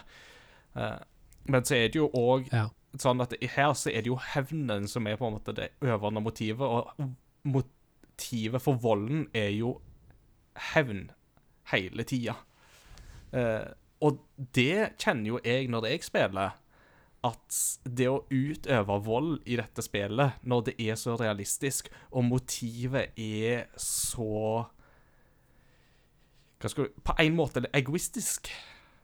Eh, altså Av mangel på et bedre ord så kjenner jeg at det sitter langt lenger inni meg å skulle utøve vold i dette spillet enn det det var i einen. Ja. Det koster mer. Mm. Synes dere de gikk, har gått for langt, eller synes dere det var passe når du tenker, tenker på hva visuelt og Mm. sånn det er. Jeg syns det er helt på sin plass for å få fram den brutale verdenen som er skildra. Og for meg så er dette et interessant spill å måtte trekke fram i hele den der spill og vold-diskusjonen. Hvis en bare skal på en måte tenke på det rent på en måte etisk, og ikke med liksom sånn at eh, nå kommer jeg til å gå rundt og kvele masse folk. Det kommer jeg jo ikke til å gjøre. Eh, Det hadde jeg jo ikke gjort i utgangspunktet heller. Eh, Men men i hele den der diskusjonen med på en måte hvordan volden her brukes for å understreke den harde og brutale virkeligheten, og ikke minst òg den mørke tematikken som ligger til grunn i spillet òg, eh, så syns jeg at det, på en måte så er det for masse for meg. Med at eh, jeg kjente at det var liksom begrensa hvor lenge jeg kunne spille om gangen. Av og til at det var sånn nå har jeg vært gjennom en veldig intens økt, både på en måte rent spenningsmessig, men òg tematisk og emosjonelt. og sånt. Nå må jeg ta en liten pause. Men jeg ville ikke gjort det annerledes på noen måte. Jeg syns det er bra at Naughty Dog faktisk drar det så langt som de gjør, og virkelig understreker det i all sin gru. Eh, og det- viser jo her da at vold kan brukes veldig konstruktivt. Ja, for det eh, Jeg kan ta en For jeg er enig med deg, Ingar, at jeg syns ikke at det blir for mye. Det er fælt å måtte gjennomleve det spillet. Det er fælt å måtte trykke på firkant når du er nede i det sykehuset og må Mm. slå en uskyldig dame til blods, og eh, det er, det er helt, helt forferdelig. Eh, men det blir aldri for mye, fordi det på en måte Volden i spillet matcher det mørke og det sinnet som du kjenner hos Ellie, da. Eller hos Abby. Begge to går jo med en voldsom, et voldsomt sinne og en stor tilbøyelighet til å begå vold mot andre. Mm. Uh, og for å ta en parallell til et um, Ikke et spill, men en TV-serie der som jeg syns har bomma litt på det her, det er eh, The Handmaid's Tale. Jeg vet ikke om dere har sett den uh, TV-serien? Jeg kjenner jo selvsagt til han, men jeg må innrømme at jeg har ikke tatt meg tida til å, til å se han. Ja, fordi der tenkte jeg på akkurat dette, det, uten å spoile for mye, at det, det er en TV-serie med ekstremt mye vold, og ekstremt mye sånn uh, religiøs ekstremisme, og på en måte folk som gjør grusomme ting mot hverandre i Bibelens navn, og uh, det treffer meg ekstra hardt fordi jeg er prest og jobber med Mm. Bibelen, og det er liksom mye med den serien som Altså, det er provoserende, voldelig og fælt på den rette måten. Men så ender de opp med å lage for mange sesonger, og på en måte bare male ut den volden så langt, at på et tidspunkt så tenkte jeg at nå er dette bare vold for voldens skyld, for å sjokkere, og volden er ikke lenger med på å bygge opp det underliggende i historien, og da datt jeg av. Fordi nå syns jeg det her bare blei sånn Ja, bare sånn um, oppvisning i brutalitet og måte, meningsløs ekstremisme, da, og da gidder ikke jeg å se lenger, fordi da er det ikke spennende. Så det er et eksempel der det rett og slett blei for mye, da. Ikke fordi jeg ikke klarer å se det, men fordi jeg syns at det er ikke lenger bra TV. Mm. Det er ikke brukt konstruktivt. eh, Ja, nettopp. Det er ikke brukt konstruktivt. Og, og, og jeg kjenner det jo sjøl flere ganger i spillets gang, f.eks. når du er i kjelleren i sykehuset med Nora, og firkantsymbolet kommer opp. Ja. Så kjente jo jeg at eh, Ja, men jeg har ikke lyst til at Ellie skal gjøre det. Så nå legger jeg fra meg kontrollen, og så ser jeg om det også. går. Men etter langt nok tid så innser jeg at OK, det går ikke. Og det er da det slår meg òg at dette er ikke et spill som handler om min historie om hvordan jeg vil at Ellie skal oppføre seg. Dette er Mm. Ellies historie om hvordan Ellie vil oppføre seg i den situasjonen som hun befinner seg i, og med det hatet Ja. som bor i henne. Ja, og det er da det bare slår meg at det her Ja, det, det er sannelig brutalt, men igjen da så er det noe med at den det, det er jo for å understreke rett og slett hvor hvor langt en er villig til å gå, og hvor, El, hvor ødelagt Ellie rett og slett er blitt òg, ikke sant, av, av alle disse årene uh, med, med det hun har vært eksponert for. Helt ifra hun var i denne her landsbyen oppe i vinterheimen med disse kannibalene og smasha inn hodet på Nolan Ja. North. ja. Det er mange paralleller, altså. Mm. Men Så, når vi ja. nå først er inn på så temaene her, da. Mm. Nå blir jo igjen å hoppe litt fram i spillet, men nå sitter jeg her med to som er godt utdanna innen religion. Mm. Så må jo nesten spørsmålet bli hva føler dere om Scars, unnskyld, Seraphites og, og noe representasjon generelt, for dere òg har jo diskusjonen vært. For oi, igjen da, som begge dere to har hinta til før, Abby er jo ei kraftig kvinne, og hun må jo være transe. Mm. Liksom, Nå har du Lev, som er, faktisk er trans. Mm. Du har Ellie, som er lesbisk. Du har Bill Dina, som er bi. mm. Du har hele Ja. flokken der. Så hvordan synes dere de takler de ulike temaene?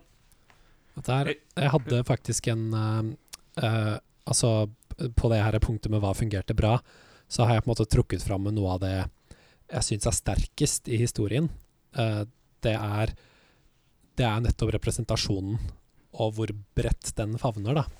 Mm. Eh, for ikke bare har vi flere skeive karakterer, men vi har også noe som er ganske unikt i et spill, tror jeg. Vi har en karakter som både er skeiv og religiøs. Mm. Um, da tenker jeg på Dina. Og jeg syns en av de sterkeste scenene i spillet, det er når de besøker den synagogen. Mm. Uh, og du liksom beveger deg Ja, for du kan bevege deg rolig gjennom den synagogen og se på skriftrullene, se på lysestaken eller menoraen, og liksom betrakte de ulike religiøse symbolene. Eh, og det som jeg syns er så sterkt med den scenen, eh, det er det at det er mange av dialogene som er frivillige.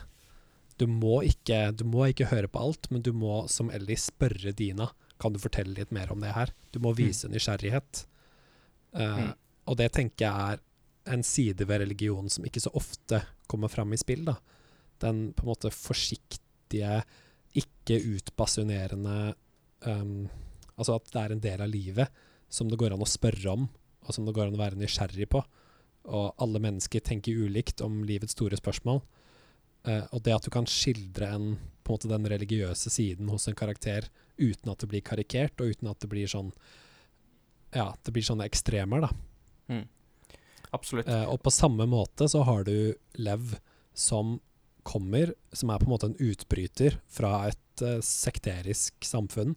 En ganske eh, Som har en ganske ekstrem tolkning, eller ekstreme følger av sin religion, da. Mm. Men eh, det er det som er så fint, syns jeg, at Lev sier jo på et tidspunkt at profeten vår, altså denne kvinnen som de følger, hun be begikk aldri vold. Eh, og at det er opphavet til religionen er fred, og ikke Mm. vold. Sånn at det at veldig mange Seraphites eh, har tolket profeten sånn, det er det som gjør at de begår vold. Men hun i seg selv, altså profeten, var et godt menneske. Mm. Og den nyansen der, den er så utrolig viktig. Eh, fordi de, aller fleste religiøse mennesker i verden er fredelige. Eh, men det er ofte de det er, fredelige, åpne, sympatiske mennesker. Eh, men de som kommer fram i media, og i spill og i filmer, eh, de er jo ofte de ekstreme. De som skriker høyest. Eh, Det- og derfor syns jeg det er så vakkert med en sånn nyansert og, og nysgjerrig og rett og slett bare fin skildring av eh, religiøsitet i et spill. da. Og som er nokså unik òg for spillmediet, langt på vei, vil jo jeg tørre å påstå. Eh, det at eh, Ja, det at man har noen som langt på vei kan på en måte yte en form for religiøs tro uten at det blir eh, Uten at det blir på en måte karikert, da. Um, altså, Mm. har, du har jo hatt jødiske rollefigurer, for eksempel, Altså, det, det er jo sentralt i Wolfenstein-spillene, men igjen så er jo det en litt på en måte annen sjanger igjen. Mens her med Dina, som du nevner, i disse samtalene i synagogen, så får du en, et element av på en måte uh, Ja, altså Jeg tror ikke det er noen i den verdenen der som vil på en måte gå, på en måte går religion i møte uten å faktisk ha det ondes problem veldig sterkt framme ganske tidlig, med bare sånn OK, du tror på Gud, hvorfor i all verden har dette her skjedd in the first place? Hvorfor har han tillatt dette onde her? Uh, Ja. Men det Dina kommer med, er likevel ikke på en måte sånn dogmatisk, godt utreda teodicé-utleggelse, men heller uh, men, men, men snarere på en måte den her med at det, det, Jeg tillater meg sjøl å åpne opp for det, og jeg kjenner at eh, når jeg ber, så er det noe mer Eller, eller at det, det gjør meg rolig. Jeg kjenner at det, det er noe rett med å gjøre det. Uh, og så er det på en måte litt av mysteriet. Altså at det, Her er det på en måte mer på en måte den mystiske siden som får lov å råde, framfor den Ja, veldig strengt det- dogmatiske. Eh, og som Dina også sier, ikke sant? Altså, den jødiske tro er jo ikke akkurat ukjent med eh, undertrykkelse, eh, møter på harde ting i livet og masseutryddelse. Eh, we're a family of survivors. Eh, Ja, og det at det blir fortalt uten at det blir utbasunert med liksom en eh, liksom veldig brutal holocaust-fortelling, Mm. det syns jeg er fint, da. Mm. Men det er jo dessverre også sånn, eh, litt sånn som du nevnte, Eirik, at både når skeive karakterer blir uh, framstilt i spill, og når religiøse karakterer blir framstilt i spill, og spesielt jødiske karakterer, Mm. så florerer jo internett av eh, dritt, dessverre. Og Og jeg skulle bare nå i stad bare prøve å søke opp, bare for å se den synagogescenen på nytt. Så søkte jeg opp den på YouTube. Og det første som kommer opp, er selvfølgelig en sånn konspirasjonsteori. Nei er, Hvorfor tror dere at uh, de har med den scenen, og hvorfor går det ikke an å skyte på Toran? Jo, det er på grunn av bla, bla, bla. Jødene tar over verden, og det er også bare Alle kommentarene er antisemittisme på sitt groveste. Og det var Og det- akkurat det jeg var redd for skulle skje. Ja, at, eh, da jeg var i den er- scenen, så bare satt jeg og tenkte OK, hun er skeiv, og hun er jødisk. Dette er cocktail for hatere, tenkte jeg på. Ja, det er dessverre sånn, men nettopp, nettopp derfor er det så viktig å ta med disse tingene i spillet. At Ellie er lesbisk, men det gjøres ikke noe, det gjøres ikke noe poeng ut av det. Uh, det, det, er, det er en del av henne. Mm. Uh, og Lev, han opplever at han er gutt. Mm. Uh, og det er hans erfaring. Og det også skildres på en måte på en, på en forsiktig og fin måte. Mm. uten at Abby liksom pusher han så veldig mye. Mm. Det er vel når han på en måte sier at 'Hørte du at de kalte meg for Lilly?' Uh, så sier hun 'ja, jeg hørte det', Mm. og så spør han eller et eller annet 'ja, vil du vite hvorfor det er sånn?' Uh, og så sier Abby 'ja, vil du at jeg skal spørre deg om det?' Mm. Og den dialogen de har der, er så fin. Mm. Uh, at det her er ikke noe problem for Abby. Og det er heller ikke noe problem for oss, tenker jeg, da. Og det er en del av verden. Det er noe vi, det er noe vi må akseptere. At noen mennesker har, har opplevelse av å være et annet kjønn enn det de har ved fødselen. Mm. Og det, det må vi lære oss å leve med. Og at det er ikke noe som vil gå vekk selv etter en postapokalypse. Ikke sant? Nei, det er grunnleggende menneskelige erfaringer. Mm. Det var litt liksom- ja. Det var litt derfor jeg spurte om unnskyldning. Gar. Nei, nei. Men liksom, det var det som pirra nysgjerrigheten min for å spørre dere to. For Jens og Ingar sier jeg fikk spillet før all, veldig mange andre. Så da å se så kommentarene på forum og sånn, og Naughty Dog har en agenda og sånn, så har du akkurat like som Kjetil sier, igjen da, eller som vi jo sa i sted, volden den glorifi glorifiseres ikke på noen selvs måte. Den er der av en grunn. Mm. Mm. Eller lesbisk. Ikke noe press på det. De navner Nevner vel nesten ikke engang i spillet, det er bare litt indikert. Mm. Lev spør Abby liksom har, har du lyst til å snakke har, har du lyst til å snakke om det? Hun spør bare tilbake har du lyst til? Nei. Mm. Ja, OK, ferdig med det. Mm. Du har i synagogen liksom Og hva antall utviklere som ville presse på med billedbruk til holocaust og snakka om det i en halvtime og pressa på prøvd å sette sammenligninger overalt. Der får du så mange inntrykk på gangen uten at det absolutt Det er der ikke liksom nødvendigvis for en grunn. Det er bare en naturlig del av verden. Mm. Det er da det er så godt å bare være i der og liksom prøve å forklare seg Beklager, dette er min mening, ikke Kjetil og Ingar sin som kom mot meg på Twitter eller noe. Men så amøbene, da, som holdt på å si Å, Naughty Dog har en agenda, og å nei, de har eh, lesbiske karakterer, spiller den kvinnelige hovedkarakter. Abby må jo være transkjønna, så hun er Mm. kraftig. De har bare sexscener for å vise pupp.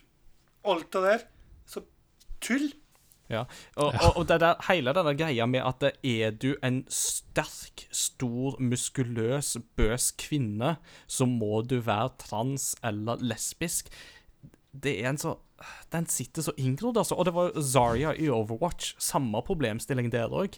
Eh, og at det, det er jo ikke hennes eh, på en måte forhold eh, til den likekjønna personen som har på en måte blitt tråkket fram i Overwatch. Det er jo Soldier 76 og Tracer som eh, på en måte er i den kategorien. Mens Zarya vet vi ingenting om på det området der. Men at folk var Nei. bare sånn Automatisk så var det en sånn tanke om Unnskyld uttrykket traktorlesbe. Uh, fordi hun liksom var stor, og sterk og bøs. Og hun Ja, hadde jo for seg òg at hun har kort hår, så da var det jo i alle fall ikke tvil. Det, Mens, det virker ja. som For meg så virker det som om uh, det er at noen sier at ja, du har en agenda, eller dette er for politisk. Uh, det er bare et uttrykk folk bruker når de bare er uenig, eller bare blir provosert over noe. Eh, så må de på en måte eh, anklage meningsmotstanderen sin for noe. At dette gjør du for å pushe en agenda som ikke hører hjemme i spillmediet, f.eks. Mm. Og det var jo det Neil Druckman svarte i 2014, når en ehm, Han fikk en melding eller en Det var en sånn åpent brev eller noe sånt om at kan du please holde den politiske agendaen din ute av The Last of Us? Og så svarte han bare No can do. Men, men, la oss på en måte gå, pense litt tilbake på det, da, siden vi først er inne på dette sporet. Fordi at um, det er jo klart at her i Crossover Gaming så er jo vi litt opptatt av nettopp det med religiøs representasjon. ikke sant? Altså Mm. av naturlige årsaker som ligger til grunn for vår personlige tro. Uh, og det er jo litt sånn med at eh, hvor mange spill kan du på en måte telle som ha, har på en måte Du kan ha religiøs skildring eller religiøse personer i spill, men hvor ofte gjøres det på en realistisk måte som religiøst utøvende personer sjøl faktisk kan kjenne seg igjen i, uten at det enten blir karikert, eller at eh, religiøse mennesker er skumle, eller eh, er Altså Far Cry 5 er liksom sånn det, De er liksom Benytter religion Ja. til å skape seg en dommedagskult, ikke sant? Eh, altså, poenget er jo det at det, det som jeg syns er så flott da i The Last of Us Part 2, på akkurat det området der, er at akkurat som i livet vi lever nå, så vil du ha folk som er ganske vidt forskjellige. Eh, med at du har folk som ikke tenker på de tingene overhodet. Du vil ha folk som tenker at eh, det kan umulig være tilfellet. Du har religiøse ekstremister, men så har du òg de som bare på en måte det, det er en naturlig del av min identitet. Jeg kan ikke forklare alt ved det, men det er likevel der. Eh, Mm. Og jeg, jeg har ikke tenkt så mye på det før vi snakket nå, men eh, det er definitivt et pluss i margen til The Last of Us Part 2 der òg, altså. For det er så sjelden jeg føler at jeg får det. Det er litt sånn som den samme følelsen jeg satt igjen med etter Daredevil sesong 3, eh, som tar veldig for seg på en måte troskrise til Matt Murdoch. Mm. Eh, så Ja, det at eh, Det at eh, Det at karakterer er f.eks. skeive eller religiøse, mm. det er ikke det som definerer dem som personer. Nei. Eller altså ikke kun det. Det er, de er så mye mer. Mm. Uh, og det er noe jeg Ja, jeg må jo leve med det, en del fordommer mot det at jeg er prest, f.eks. Uh, at folk tenker en god del at hvordan jeg er og hvordan jeg ikke er fordi jeg er prest. Men jeg er veldig mye annet enn prest også. Mm. Uh, at jeg er gamer, og jeg er fra Telemark, og jeg er uh, uh, Jeg har gått på eh, kristen internatskole. Jeg har ehm, Jeg har spilt gitar og piano, og altså Det er på en måte Det er så mye mer uh, enn bare hva jeg jobber med, da, eller hva jeg tror på. Mm. Det er en del av meg, og ikke liksom det som først og fremst skal definere meg som person. Ikke sant. OK. Uh, da har vi vært innom den, uh, den faktoren der. Uh, la oss på en måte gå litt inn på en annen faktor som iallfall jeg ikke så komme i dette spillet. Og det er at uh, The Last of Us Part 2 går full Resident Evil-mode på et tidspunkt. Uh, da tenker jeg selvsagt på når Abby skal ned i kjelleren i sykehuset. Uh, og Ja. støtte på denne her Rat King, som det kalles. Uff, altså, Det er jo naturlig nok at det i på en måte dette miljøet her, så er det jo sånn at fiendene utvikler seg jo litt sånn forskjellig ut ifra hvor lenge de har vært infisert og sånt, og da er det jo òg naturlig at vi derav vil kunne se nye mutasjoner. Eh, men at de skulle gå så langt som det de gjør i dette spillet her, det hadde jeg virkelig ikke sett for meg, altså. Og det var Åh, det, det, det er seriøst noe av det mest nasty monsterdesign jeg har vært borti ever. Du har vel sett noe lignende i et visst dansk spill, uten å spoile hvordan dette er, om du vet hvordan dette er. Der må jeg nok melde pass, med mindre du tenker på Limbo Har du spilt eller Inside eh, før? Inside har jeg ikke spilt, nei, men jeg har spilt Limbo. Så jeg kan se for meg at de danskene der kan koke sammen eh, noe. Men det er jo sånn For Jeg råder deg til å spille Inside, for jeg tror Playdead har grunn til å prøve å saksøke noe i For det er nesten det samme designer, rett og slett. OK, interessant. Eh, så du stilte hakket mer forberedt rett og slett når du kom inn eh, i kjelleren og Nei, forberedt var jeg ikke, for jeg, jeg, jeg er jo typen som utforsker alt. Altså liksom, når Ebbe, jeg vet ikke om dere gjør det, men Ebbe kan jo prøve å åpne den ambulansen fra første stund. Jeg gjorde det. Igjen. Jeg spilte her over tre dager, så jeg var, ble litt senere netter og sånn. Det var sikkert to-tre på natta. Liksom bare å ta bort ambulansedøra og bare høre bom! Ah! Da liksom Ja, forsto jeg jeg. Uh-oh. Dette dette her dette her er ikke en voldelig klikker. Så da Da var det hører sånn rumling. Ja. Da var det faen meg hagla og bare klikking bare sliking. Det første jeg tenkte, var sånn her Å nei, ikke bloaters. Uh, uh, var det ikke det de het, de store som kaster uh, Jo. Ja. Og så hadde du som heldigvis shamblers. shamblers. Ja. ja. Men jeg tenkte da kanskje det er bare en svær bloater. Men det her Mm. var jo på en måte bloater uh, times uh, 10, eller Mm. 9000. Åh. Og det er bare det at Så det, er så liksom Sorry. Nei, Ingar. Nei, jeg bare tenkte at det er bare det, jeg, Noe av det som jeg synes er så ekstra nasty med Rat King, er bare at det er så utrolig tydelig at dette er en flere infiserte som bare smelter sammen i en gigantisk Ja. smørje av soppzombie-nastiness. Og som om det ikke liksom er nasty nok at du her har en sopp som driver på og overtar uh, motorikkfunksjon og nerver og hjerner til, til folk, så har du her at de blir sveisa sammen òg. Og du har jo tidligere hatt eksempler på folk som har grodd fast i veggen, basically, og så når du kommer nær dem, så bare blæ, springer de ut. Men det var jeg mye Ja. mer forberedt på. Og der var jeg bare sånn Oi, det så ut som det kunne være et eller annet klikk-klakk, hagle, blæ, bang. Ferdig. Det, det var sånn, de, de var jeg mye mer forberedt på, men her var det jo noe mer med selve det designet som jeg bare synes var så groteskt at det var Ja. Jeg hadde egentlig ikke sett den komme, altså. At, uh, for det var jo sånn, det var nesten på grensa til at det brøyt litt den der illusjonen av realisme, men samtidig ikke. Nei, jeg blei så redd.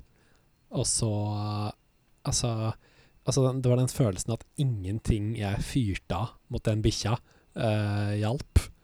Det var eh, Altså, jeg, alle, alle skudd fra alle våpen og alle eksplosiver, og fortsatt så springer han rundt der.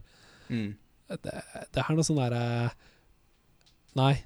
Alt, og så tror jeg også det var da jeg opplevde at jeg spilte eh, Særlig opplevde at jeg spilte det her i en stue som var litt for eh, opplyst, og jeg har ikke skikkelig gardiner, Mm. eh, så jeg så nesten ingenting. Og så måtte Ja. jeg sette opp kontrasten til Eller eh, brightness til maks på TV-en, og fortsatt så klarte jeg ikke å se.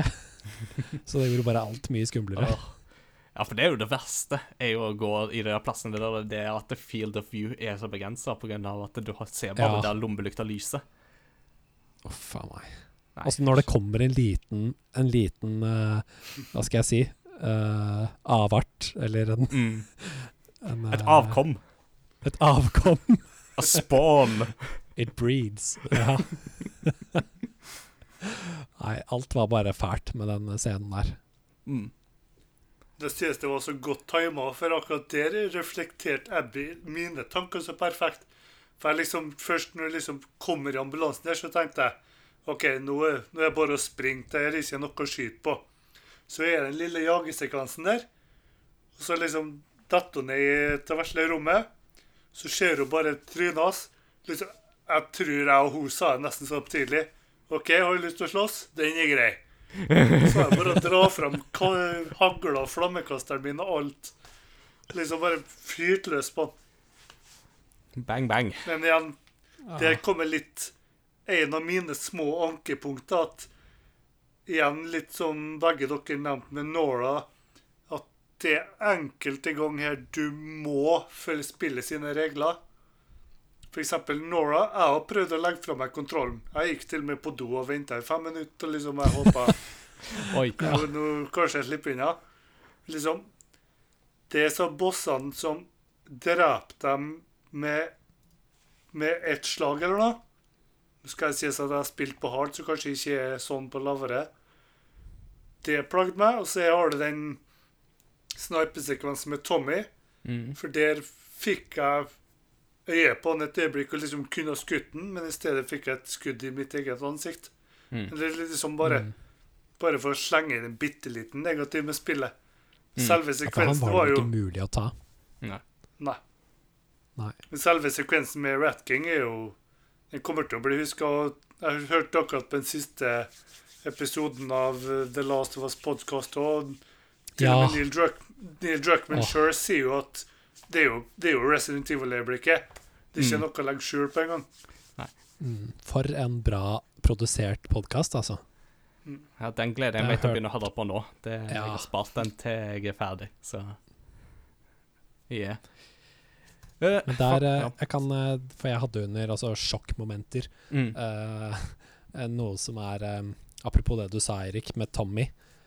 eh, at jeg tror det den delen av spillet jeg var aller mest redd, det var Eller sånn sånn derre Jeg tør ikke å gå videre nå. Det var den der sniper-sekvensen med Tommy. For jeg, jeg, jeg prøvde ikke å skyte tilbake. Jeg skjønte at han, eh, han skyter meg med en gang jeg kommer ut i synsfeltet. Og han er en innmari treffsikker fyr. Det har du allerede sett når du Mm. har lært deg å skyte med Ellie tidligere. Eh, Det er også en ganske genial måte å liksom eh, bygge opp skurken på, da. Fordi jeg, jeg følte um, mer og mer allerede før vi begynte å spille som Abby, eller som hovedhistorien til Abby, at uh, det er Joel og Tommy og Ellie som er the bad guys. Mm. Og Ah. det blir på en måte så grundig understreket i noen av disse sekvensene i Abbys historie. Mm. Og da ble vi over i det som jeg tenkte vi må liksom gå inn på, nemlig det med at uh, spillet tar jo et perspektivendring uh, halvveis uti, eller uh, det er jo nesten ikke halvveis engang, før du på en Mm. måte går igjen Altså, når du begynner å få Abby sin fortelling, da, så er det jo et veldig sterkt og dramatisk perspektivendring som er i ferd med å skje. Eh, Ja. Nemlig bare det med at eh, du går tilbake og, og får vite at hun er dattera til legen som skulle finne opp vaksiner. Som var den Mm. eneste som faktisk var i stand til å gjøre dette, iallfall så langt vi vet. Eh, og Joel valgte i det øyeblikket der å gå inn og drepe alle til fordel for å redde én person. Mm. Og at det er jo et så på en måte ødeleggende øyeblikk for Abby. Eh, og at hun derfor òg, ikke sant Altså Fra det øyeblikket av så har Abby ett motiv, og det er jo det å finne Joel igjen, fordi hun vet jo hvem han er. Eh, Mm. og det er det som også er så interessant, er jo i alle disse andre flashback-scenene som du da har til liksom liksom for tre år siden, for to år siden, så er det alltid Abby som er på en måte sånn Nei, kan ikke gå glipp av treninga. Må tilbake og gå og trene. Det er liksom trene, trene, trene. Ja, det Altså, er sant, det.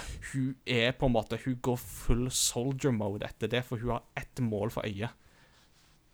Og det er noen som jeg tror det var en av disse enten Level Up sin uh, spoilercast eller The Last of Us-podkasten som snakka om det at hun er jo et våpen. Eller hun gjør seg selv til et våpen. uh, for å drepe. Mm. Og det er jo um, Og det er også Da blir kontrasten veldig stor til å på en måte se henne som Hun er vel 17 eller noe sånt i de flashbackene. Mm. Uh, når du på en måte første gang får hennes flashbacks, da, og du ser på en måte hvor forandra hun er. Mm. Og så er det jo så på en måte imponerende òg å se hvordan hennes historie òg sakte, men sikkert utvikler seg i løpet av spillets gang. Med at til å Mm. begynne med så bare tenker vi på henne som the bad guy. Eh, men så sakte, men sikkert så skjønner vi jo at dette er jo igjen noe som understreker hele den der voldens sykliske natur, eller på en måte hevnens sykliske natur. Med at eh, Altså, hun mister sin farsfigur og ender opp med å drepe Ellies farsfigur, som da igjen resulterer i noen ganske eh, dramatiske konsekvenser videre. Eh, Ja. men det er jo òg noe som da tar meg med til På en måte kanskje aller, en av de aller siste scenene med Abby, er jo dette med hvordan Abby sitt forhold til Lev utvikler seg til å bli Ja. en parallell til Joel og Ellies historie. Mer eller mindre. Uh, helt til det punktet helt på slutten der Abby blir skåret ned ifra pålene på stranda til denne her eh, Rattlers-gruppa. Og det første Mm. Abby tenker på, det å redde Lev. Ja. Og når da Ikke å drepe Ellie. Nei, ikke å drepe Ellie eller noen ting, men det er liksom bare Hvor er Lev? Gå bort til Lev, kutte ned Lev fra sin påle, og idet Abby liksom går ned og løfter opp Lev i armene sine, så er det en så klar parallell til hvordan Joel gjorde det samme med Ellie Ja. i slutten av det første spillet. Det er sant. Og at plutselig så er det Men i, og, og det òg er jo så interessant, fordi at det, The Last of Us Part 2 viser oss jo at Joel langt på vei er jo en utrolig egoist. Altså, det er jo noe Ja. vi har tenkt allerede etter det første spillet òg. Eh, men altså I den grad du tror at Joel er en helt, så er han jo ikke det. Han er jo egentlig ikke en helt, på noen måte. Eh, men der han da på en måte I det øyeblikket der han virkelig på en måte har gått til å ikke være en helt, det er jo når han da går og tar alle i sykehuset i slutten av Mm. Mens Abby sett, uh... går på en måte en motsatt vei, med at hun går ifra å være en skurk som vi nesten hater, eh, og noen gjør jo faktisk det òg, til å bli Ja. en person som blir den modellen, eller den rollemodellen vi har sett for oss at Joel er. Mm. At det Jeg også um, Det var et spørsmål du hadde skrevet inn i notatene her, det er om- hvordan det første spillet redefineres av det andre spillet. Um, og det For meg så blir The Last of Us part 1 når vi, Hvis vi tenker på Joel sin historie, da, så blir nesten part 1 en sånn uh, bad guy origin story. Mm. Eh, hvordan ble Joel så fæl som han er? Are we the baddies? Ja. Det, men sånn til kontrast fra en, eh, en mye mer brutal uh, making of a bad guy-historie, sånn som Joker-filmen, som kom i, Mm. i fjor, var det? Eller Ja. forrige fjor? Ja, i fjor. Ja. uh, som på en måte Han har svært få sympatiske trekk Mm. um, gjennom hele um, historien, mens Joel, han han har jo en del sympatiske trekk, og det er nesten sånn at jeg tenker gjennom par to når du ser flashbacks til at han tar med Ellie ut på tur og tar med henne til det derre romskipet!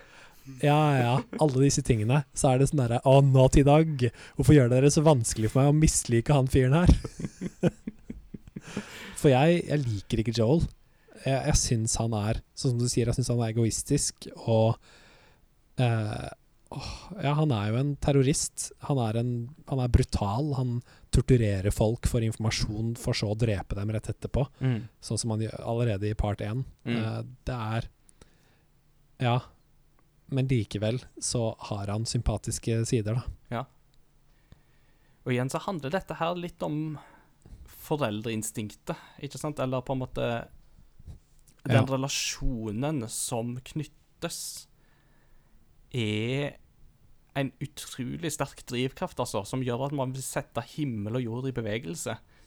Uh, og jeg leste Jeg tror det var Vice som skrev litt om dette med på en måte med at uh, The Last of Us Part 2 har jo noen paralleller i den måten det forteller om hatets og hevnens syklus uh, til Midtøsten-konflikten.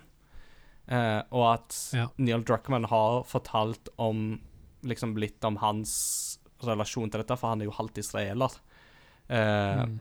og da var det jo særlig i Jeg tror det var i 2011 at eh, Israel hadde At de utveksla en del fanger. eh, en del palestinske fanger for å få løslatt en soldat. Og så der Neil Druckmann da satt og så på dette med sin far og diskuterte dette med sin far, og at hans far kommenterte jo det at eh, jeg, jeg tror dette er helt feil for Israel som land å gjøre. Men jeg hadde gjort akkurat det samme for min sønn. Ja. Og det er akkurat det vi ser hos Joel òg. Nettopp det at eh, når barrierene hans endelig har kommet ned, og han har etter hvert på en måte akseptert sin rolle som nærmest på en måte surrogatfar for Ellie, og hun som surrogatdatter for Sarah, så er det Mm. ingenting han ikke vil gjøre for å forhindre uh, at det, det skal komme noe vondt til henne. Men òg med at dette medfører noen veldig dramatiske konsekvenser. Det gjør det. Og Joel er ingen drømmer heller. Eller ikke i den forstand at han, han tror jo aldri på prosjektet til The Fireflies. Nei. Han, eh, det hadde vært veldig annerledes om han var en Firefly som trodde at det fantes en kur, men idet han skjønner hva som skal til for å skape denne kuren, så på en måte feiger han ut og redder Ellie isteden. Mm. Uh, men det er jo Tommy som var en Firefly, Mm. uh, mens Joel har alltid vært en sånn uh, survivor-type som gjør det han kan for å beskytte de han er glad i. Mm. Uh, så han har jo ikke engang troa på det der prosjektet med å lage en kur. Det er riktig. Det er litt derfor den sekvensen hvor Ellie drar tilbake til sykehuset, og Joel endelig faktisk forteller henne sannheten, faktisk traff meg ganske hardt òg. For det, det er litt så usikkert at nesten eneste gangen gangene Joel er litt sympatifull, er når han er sammen med Ellie. Det er litt som jeg skrev til Inga før. liksom det er når han er sammen med Ellie han slår seg av pappavitsene sine. Det er da han liksom er Ellie spør liksom oh, Are you impressed? No, you're just too skinny. You need to eat more. Så kommentarene der og litt sånn og At han faktisk finne kassetten av rom, eh, måneoppskytning eh, Ja. Månelandinga. Mm. Slike ting. Alt han er villig til å gå gjennom for Ellie. Til og med den første sekvensen i spillet når han snakker med Tommy, er jo om Ellie og forklare hvorfor han gjorde det han gjorde. Mm. Ellers er det bare fokus på å ta patruljen og sånn. For ser du den sekvensen hvor hun, Ellie og Tommy er ute og skyter òg? Eneste han, han er, Vi er jo fullstendig deppa på at Ellie det er da hun har smått begynt å fryse ut. Mm. Det er så tydelig at alt i livet for Joel handler om Ellie. Så når hun da rett og slett Det er så godt skuespill Ashley Johnson her, og liksom tar seg til brystet og får ikke pust nesten. Mm. Den så han står der. Nesten kritthvit, for han forstår hva som er i ferd med å skje. Når han står der helt paff og liksom forstår at nå kan Nå får jeg faktisk merke hva det her har gjort. Nå viser de psykiske konsekvensene Mm. av valget jeg tok, seg.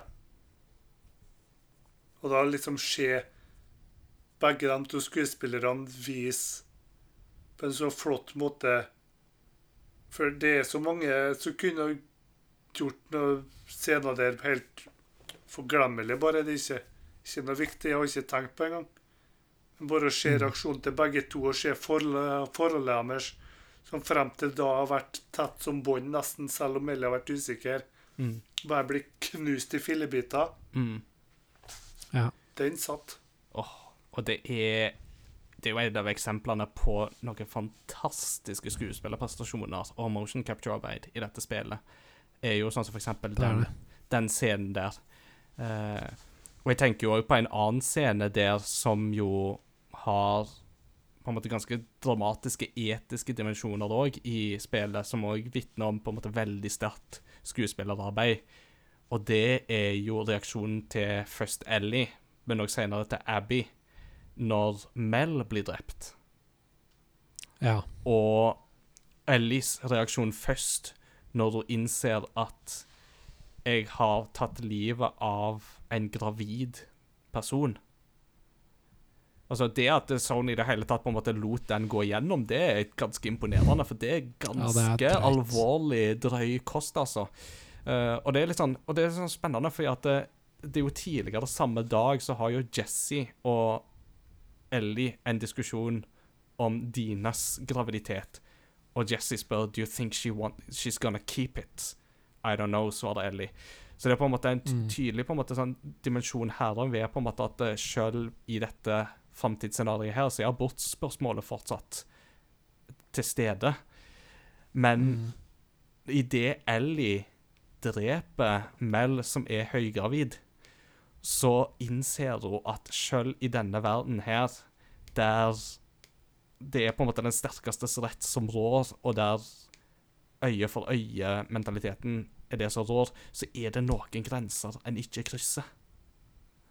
Og, nå, Ja, og der har hun er Instinktivt så skjønner hun at dette, dette er galt. Mm. Og det, Eller dette er beyond galt. Mm. Og òg den reaksjonen som Abby får da, når hun da kommer og ser de, den er så chilling to the bone realistisk, altså. Ja. Så det var Det sier han også øynene for detaljer du har. Når både Ellie ser Joel bli drept, det er når Ellie innser at hun har drept ei gravid kvinne, det er når Abby finner liket. Det er både lyddesignet og alt, liksom. Og til og med for alle noen sekvenser hvor Abby viser høydeskrekken sin. mm, Både visuelt og lydmessig. Du, du lever deg inn i sjokket deres, liksom. mm, Jeg, jeg følte nesten at Jeg hørte nesten at spyet til Abby liksom kom opp når du falt til gulvet der, liksom. Du, du hørte det nesten i ditt eget hode. Og igjen, for å Ja. skryte litt av Laura Bailey, mm, når hun går inn i teatret etter å ha drept Jesse, og liksom We spared you both, and you wasted it. mm, Og liksom se ansiktsuttrykket, for du ser at hun Ja. angrer nesten på at du sparte Ellie i den situasjonen der. Noe som igjen Litt som tror jeg var Ingar som nevnte helt i starten, at hadde ikke Joel redda, redda Abby, så hadde ikke Abby klart å drepe han heller. Her er det litt den Nei. samme situasjonen at det er jo Owen som stopper resten fra å drepe fra å drepe Ellie. Men så er Ellie som dreper Owen igjen. Så dette er at Ja. selv om du gjør et godt valg, så behøver ikke det å si at noe godt skal skje deg. Ja. Og likevel, på tross av alt dette, så sparer Abby Ellie igjen når de slåss under teateret. Og det er jo da òg det virkelig på en måte går inn for deg med at eh, da er Ellie plutselig gjort om til en boss. Og det er da du virkelig Ja, på en måte innser at eh, El Ellie's the bad guy here, eh, på en måte. Eller ja. i, eller, det, men det er jo litt sånn feil å si det òg, for at i dette spekteret her um, Jeg tror at eh, i den anmeldelsen som jeg har skrevet litt nå for Crossover Gaming, for å få ned mine tanker om dette, så jeg har skrevet noe sånt som at i dette universet så finnes det ingen vinnere, det er bare tapere. Uh, Mm. Ja, men det tror jeg. At det, og for å på en måte um, ta den parallellen igjen til det som skjer i Midtøsten, så Jeg var jo i Jerusalem for noen år siden og snakket med en uh, fyr på min alder. Og så spurte jeg han uh, som var jødisk, da, bodde i Jerusalem. Og så spurte jeg liksom hva Hva syns du om Eller hva tenker du om konflikten? og så bare så han ned, og så sa han 'Everyone's losing', Mm. sa han. Og så ville han ikke snakke om det mer. Mm. Men, og det er, det er jo så sant, ikke sant? Altså, det Det er litt sånn Det er bare tapere i et sånt scenario. Mm. Og det, og det er nettopp der, i på en måte den aller siste scenen i spillet, eller ikke Mm. aller siste, men den når Ellie sparer Abby, det er da jeg på en måte virkelig ser hvor unikt og genialt dette spillet er. Eh, Denne historien, med det at en, en kamp om eh, Eller altså en sånn hevn eh, Som du sier, en sånn derre sirkel eller syklus av hevn som avler hevn, at den slutter med at to personer faktisk tilgir hverandre. mm. Det, det tenker jeg er ganske unikt. Mm. Og at budskapet kom- i dette ja. spillet er ganske Ja, budskapet i dette spillet her er ganske klart for meg. Uh, og i alle fall når du ser det i sammenheng med mye av det som skjer i verden i dag. Nettopp med at det er Stort sett i mange av verdens største land så er det uh, utilgivende eh, mannfolk som sitter med makta, Mm. som ikke tilgir, men som svarer på makt med mer makt. På, og, og det at man har to kvinnelige hovedkarakterer i dette spillet, eh, begge er innmari badass. Mm. Begge er massemordere. Begge er um, ja, både sympatiske og usympatiske. eh, men at spillet slutter med at de tilgir hverandre, det, ja, det er for meg veldig sterkt, og det sier noe veldig viktig om hvilken, hvilken vei verden er på vei, og hva det er verden trenger. Mm. Uh, jeg tror både vi trenger mange flere kvinnelige ledere, uh, og vi trenger mer mildhet i lederskap, da. Mm. Og mulighet til tilgivelse. Absolutt. Uh, jeg er likevel litt uenig i hvorvidt de faktisk tilgir hverandre eller ikke. Eh, et, altså, for min opplevelse av den siste scenen er egentlig bare at I alle fall Ellie innser nærmest til slutt bare sånn Hva er det jeg holder på med? Øyeblikk. Altså at det, Men det går Altså for Ellie sin del så går det fryktelig lang tid før du på en måte innser at hvor, altså, hvor håpløst det hun holder på med, egentlig er. Eh, altså, Ja. Og det blir jo så understreka av at hun og Dina begynner liksom et nytt liv, sånn som Dina hadde drømt om, litt utafor Jackson, på et gårdsbruk for seg. Eh, liksom ganske idyllisk og fint, eh, med lille Potato, som de kaller han der eh, guttungen.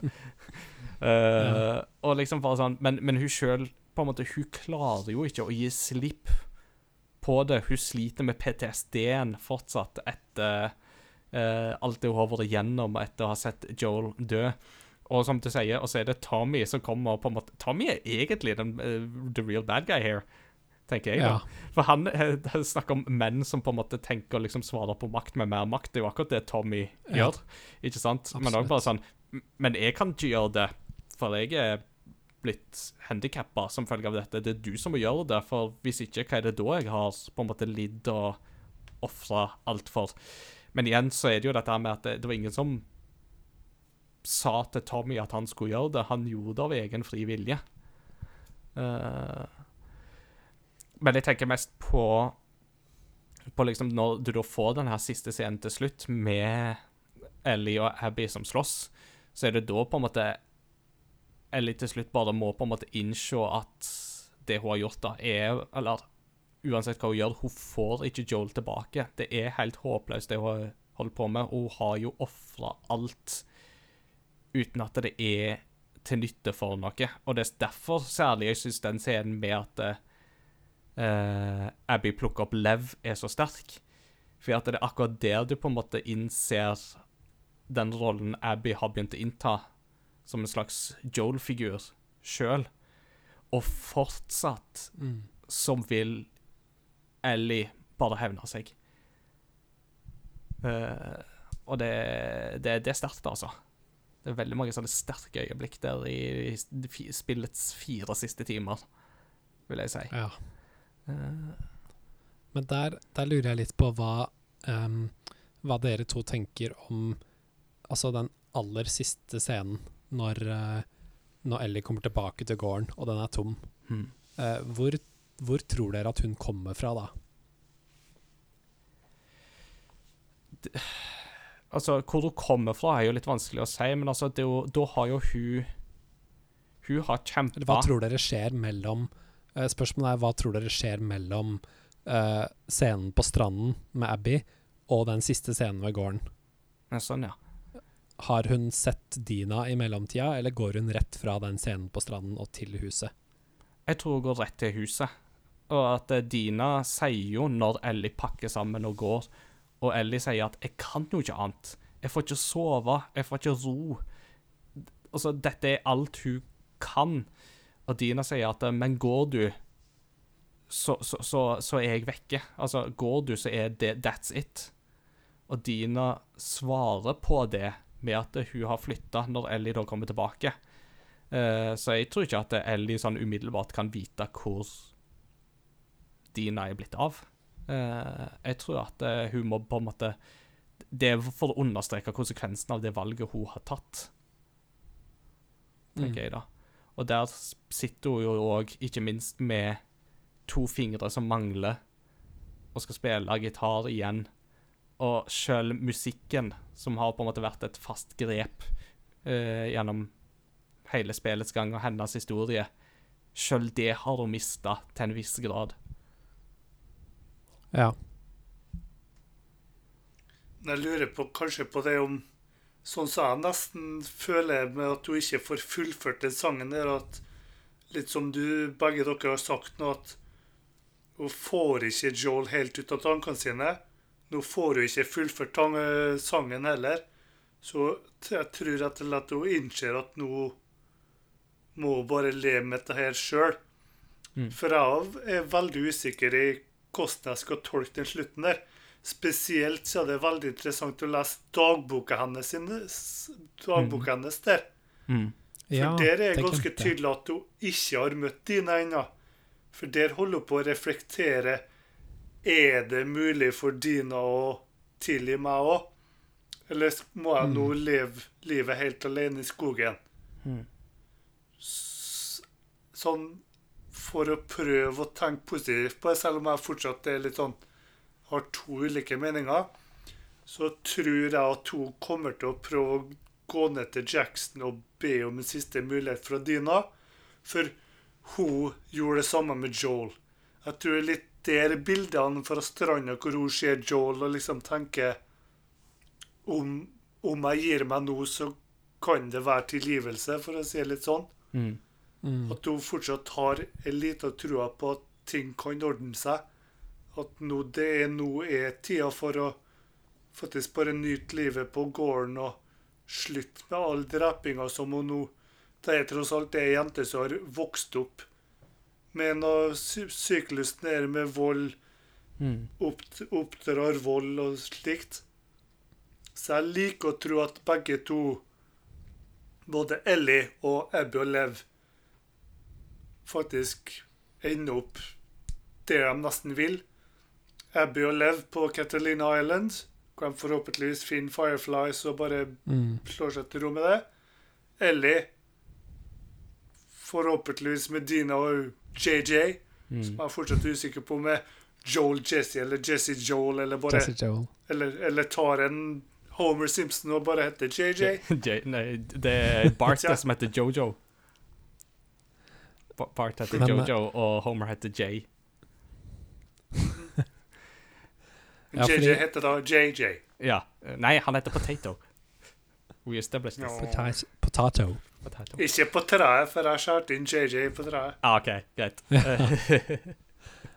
Nei, fordi jeg også tenkte på samme måte som eh, dere gjør, eh, inntil jeg leste en teori på nettet eh, som hadde tre ganske Tre bevis da, som taler mot det motsatte. Altså det med at Ellie, eh, når hun går til gården for siste gang, så har hun allerede blitt gjenforent med Dina. Eh, og det første, det kanskje klareste beviset på det, det er jo det at hun, når hun drar til California for å på på siste hevntokt mot Abby, så har hun ikke på seg det armbåndet som hun fikk av Dina tidligere i spillet. Men når hun kommer tilbake til gården i siste scene, da har hun på seg armbåndet. Så det tyder på at hun har sett Dina i mellomtida, fordi det var Dina som hadde det armbåndet. Eh, og det andre, andre som styrker teorien, det er det at fingrene hennes har grodd. Og hvis hun fikk kutta av fingrene like Altså på den siste reisen til, um, til California, uh, så må det ha gått ganske lang tid uh, inntil fingrene hennes rakk å gro til hun kommer tilbake til gården, så det må ha gått ganske mye tid. Og den tredje tingen, det er det at um, når hun kommer tilbake til gården i siste scene, så virker hun ikke overraska over at JJ og Dina ikke er der. Hun går bare rett inn i huset, litt sånn rolig og fredelig, og hun roper ikke etter dem. og Det virker som hun på en måte er tilfreds med det som, det som skjer. Her eh, må jeg uh, si meg litt uenig, altså, på flere punkt. Uh, Ja. Det med armbåndet det kan jeg ikke si så mye på, men det med fingre er rimelig enkelt, tenker jeg, å understreke med at uh, hun har jo tross alt reist fra California til Jackson, som er et ganske langt stykke å reise. Uh, Mm. Når du ikke kan kjøre bil eller fly, eller altså når du står og må bevege deg enten til fots eller til hest det er nok tid til at de fingrene kan Altså, og, altså De har fortsatt ikke grodd, grodd. Det er fortsatt anelse av, om ikke betennelse, så i alle fall rødlighet, uh, der de er bitt av. Ja. Eh, så det er gått nok tid, men ikke så lang tid, tenker jeg. Men det som kanskje mest for meg understreker at eh, jeg har nok et mer pessimi... Eller jeg, jeg tenker nok heller at det er mer et pessimistisk bilde vi ser her, med at uh, hun er ikke overraska når hun kommer og ser at Dina og JJ ikke er der, men det er fordi Dina har advart henne mot at hun Ja, kommer ikke til å være der. Og det er noe med å understreke òg med at hele dette spillet her handler jo om at eh, Legger du først ut på et sånn hevntokt som det Ellie gjør, så må du være forberedt på å miste alt. Og det er akkurat det hun har gjort på slutten òg. Hun har mista alt. Hun har mista sin farsfigur. Mm. Som jo i den siste flashback-scenen vi får Og det syns jeg er kjempesterkt med disse to siste flashback-scenene med låvedansen, og deretter Ja, med eh, Joel og Ellie på den verandaen. Men først med låvedansen, så tenker jeg at eh, er dette det siste øyeblikket Ellie og Joel får, så er det jo kjempetrist. Fordi da var deres siste på en måte ord til hverandre Det var at de krangla. Og hvor trist Ja. ikke da det?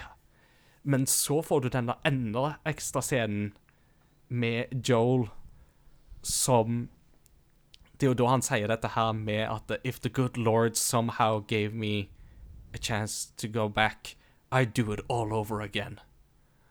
Ja, det er sterkt. Og Ellie sier at 'jeg kan ikke tilgi deg for det', men jeg har lyst til å prøve. Mm. Og det er deres siste ord. Og så får Ellie aldri den muligheten til å faktisk begynne den forsoningsprosessen med Joel. Da har du jo på en måte mista absolutt alt. Hun har mista muligheten til å forsone seg med Joel. Hun har mista fellesskapet hun var en del av. Hun har mista forholdet hun var en del av. Hun har mista musikken. Hun har mista Ja. alt hun hadde, til ingen Hun har mista seg sjøl til ingen nytte.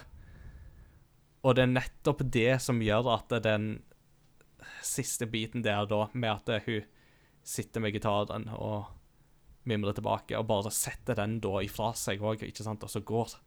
Det er derfor det blir så ekstra sterkt. Ja, og det, og det er for meg For meg så er det viktigste i Ellie sin historie i part to Det handler om hennes prosess for å tilgi Joel. Mm. Eh, for å Eller klare å akseptere det han gjorde, eller forsone seg med det han gjorde. Uh, og en del av den forsoningsprosessen, tenker jeg, for Ellie, det er å ta livet av Abby. Men det er jo akkurat i det øyeblikket når hun, hvis jeg husker riktig, det øyeblikket hvor hun holder Abby under vann, Mm. at ansiktet til Joel dukker opp, Mm. og hun ser den der siste scenen. Uh, og da ser hun plutselig altså da sin beste venn i sin verste fiende sitt ansikt. Mm. Eh, og hun ser den parallellen som eh, en av dere nevnte i stad, eh, med at det er så klare paralleller mellom Abby og Joel. Mm. eh, at de har faktisk lidd det samme tapet. Um, og, og det skjønner Ellie. Og da tenker jeg den aller siste scenen hvor hun sitter der med gitaren, og hun lar gitaren være igjen eh, på gården, det viser på en måte at hun, at hun klarer å tilgi Joel, eller som, jeg, som det var du som sa, Ingar, klarer å leve, leve med det at hun aldri blir ferdig med, med Joel. At hun må liksom leve med noe uoppgjort, da. Mm. Men det at hun lar gitaren være, uh, det er Ja, nå ble jeg litt mer usikker på den teorien om at hun da går tilbake til Dina. uh, men det gir på en måte mening i den hvis historien handler om at hun endelig klarer å tilgi Joel og kan på en måte gå tilbake til livet sitt med Dina. Mm. Men vi får vel se da i part tre om hun gjør det. Eller ikke. Hva, hva tenker du, Eirik? Jeg synes at det er litt sånn Jeg har satt igjen med nesten tre forskjellige inntrykk etter de tre gjennomspillingene mine. Første gangen så irritert slutten meg litt, men da hadde jeg jo spilt igjen i en ti timer i strekk, tror jeg, så da, da hadde jeg jo vært gjennom det som lett kunne vært tre forskjellige slutter. Som jeg liksom var forberedt på Ja. nå er jeg ferdig òg. Det var liksom teatret, for jeg kunne like bare gjerne slutta med en svart skjerm hvor Mm.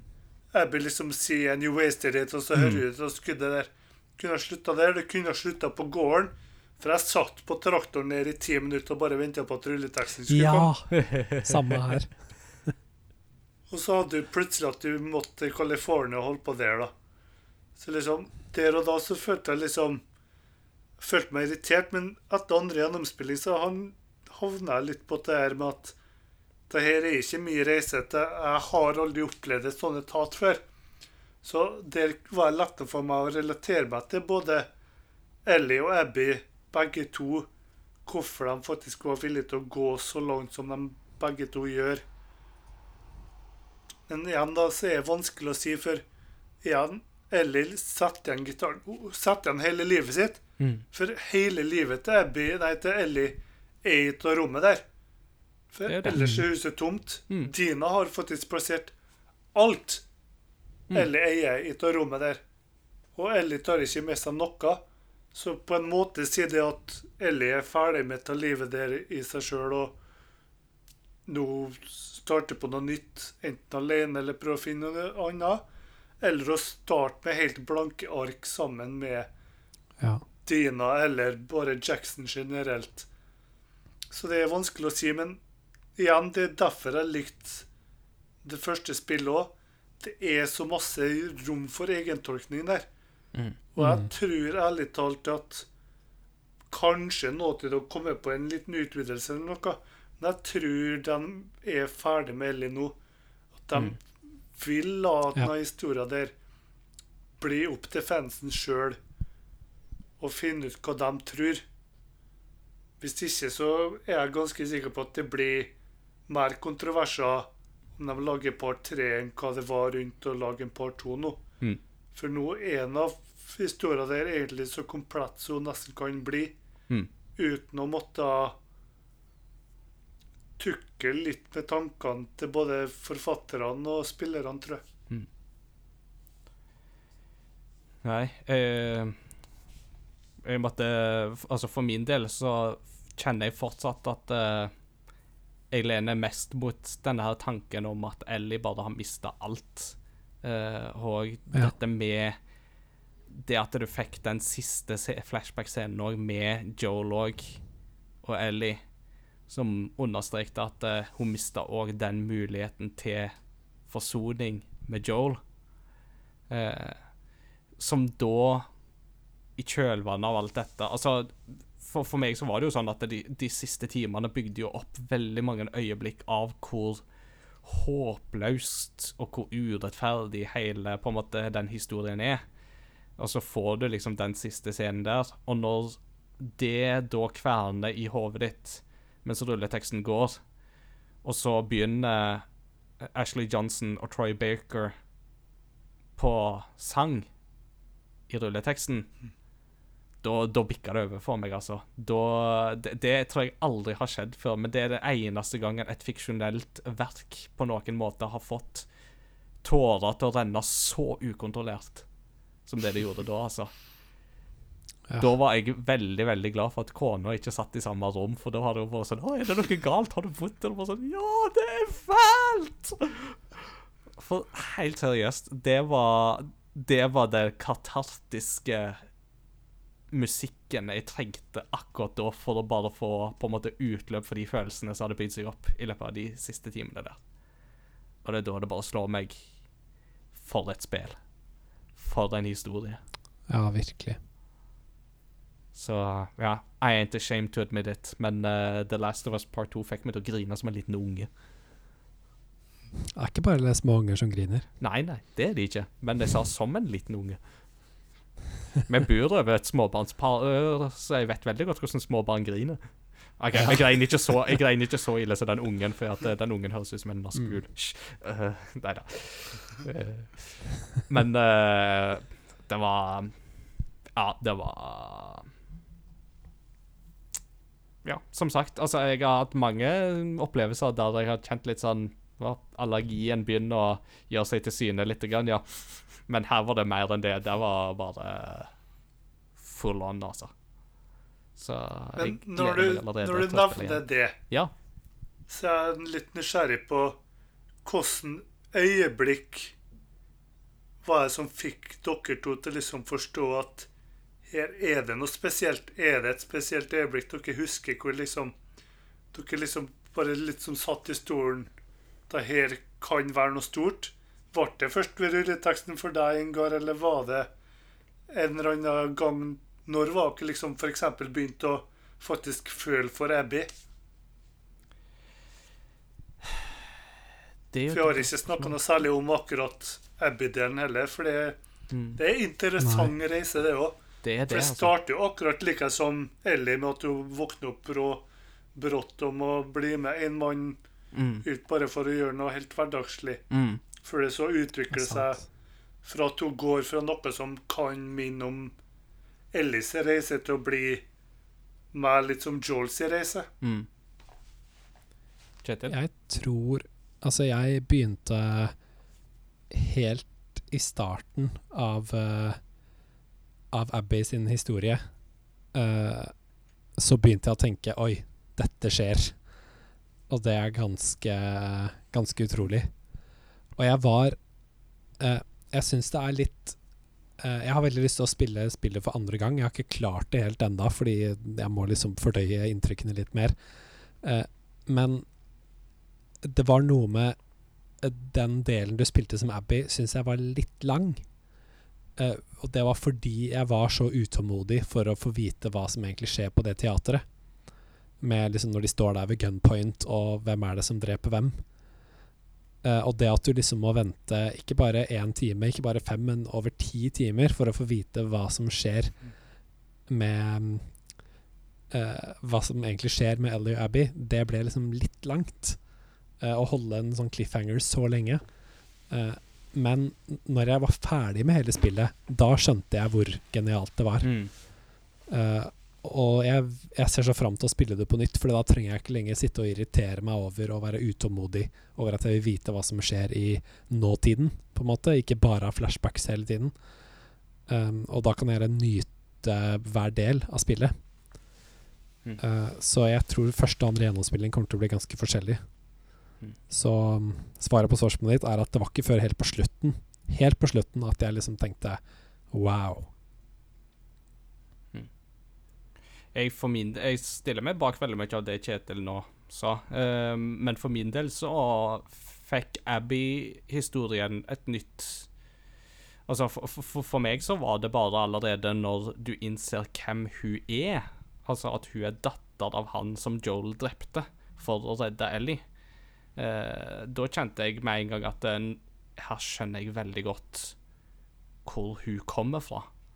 Eh, For det er ikke bare at med det at hun har mista sin far, men med det så har de òg mista det håpet de hadde om noe som kan minne om en normal, stabil hverdag. Eh, Så jeg Ja. Mista på en måte meningen med hele tilværelsen. mm. Rett og slett. Men Kjetil nevnte litt av det med at det føles litt langt ut på slutten, så jeg er litt interessert i å høre hva dere tenker om selve oppbygninga av spillet òg, for jeg synes det er veldig interessant regi å spille med tanke på flashbacks, med tanke på tidshoppene, med tanke på turen til California, gårdstilfeller, alt det der. Så jeg er litt Har dere noen tanker om det? Eventuelt hva dere synes ikke er perfekt i gåseøynene med spill og litt sånn? Jeg tenker som så at jeg kan forstå at man kan tenke at spillet kan være langt, men på den andre sida, som Kjetil sier, så bygger det så opp imot en helhet og en konklusjon at jeg ser det vanskelig at det noe skulle ha vært kutta på en effektiv måte. Tenker jeg, da. Jeg, er enig i at jeg ville ikke kutta vekk noe, men jeg, jeg lurer på om det hadde, jeg ikke hadde blitt utålmodig hvis spillet hadde vært satt sammen på en litt annen måte. Og da tenker jeg spesielt på det og at spillet føltes litt sånn baktungt ved at den største på en måte den største cliffhangeren i spillet, når, eh, når eh, Ellie og Abby står um, mot hverandre i, i teatret der, at det er Det skjedde på en måte for tidlig, da, i forhold til hvor langt spillet er. Og derfor kom den følelsen av utålmodighet med at jeg ville bare vite hva som skulle skje etter etter Abby sin historie, og jeg tok meg selv i å bli litt sånn Ja, jeg skjønner greia, dere vil at vi skal få empati med Abby, det er veldig fint, men nå vil jeg vite hva som skjer etter at uh, Altså i nåtid, da. Og det syns jeg var så dumt, fordi jeg likte Abby helt fra starten som karakter. Mm. Eh, og det at jeg ville, hvis jeg skulle kutte noe, ville jeg kutta i Abby sin historie. Det handler ikke om henne som karakter, men mer om den der utålmodigheten, da. Som gjorde at jeg stressa litt for mye gjennom Abby sin del av spillet. Mm. Så hvis de hatt Hvis de kunne vist mer av Abby før den der um, teatersekvensen, så kunne det på en måte balansert spillet bedre, da. På en måte ja, og på den andre sida, hvis de hadde gjort det, så hadde Altså, fordi når Abby da dukker opp i teateret in the first place, så er det jo sånn Nå har skurken kommet for å, tatt meg, for å ta meg. Men ved å da kutte der, og så begynner de å fortelle Abby sin historie, og så blir den scenen spilt igjen, så er det sånn Nå er det på tide å ta skurken. Uh, skjønner du? Altså, perspektivet skifter da.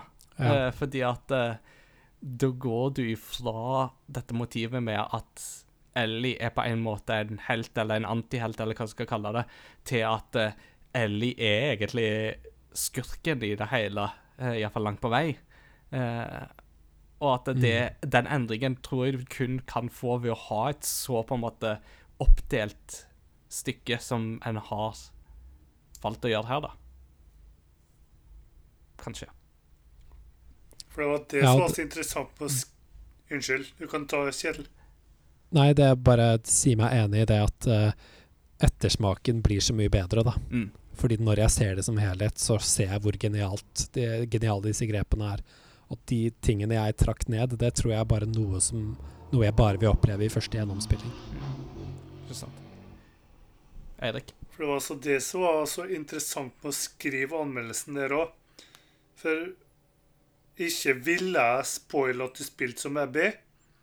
Og ikke hadde vi lov til å nevne noe om andre halvdel eller noe.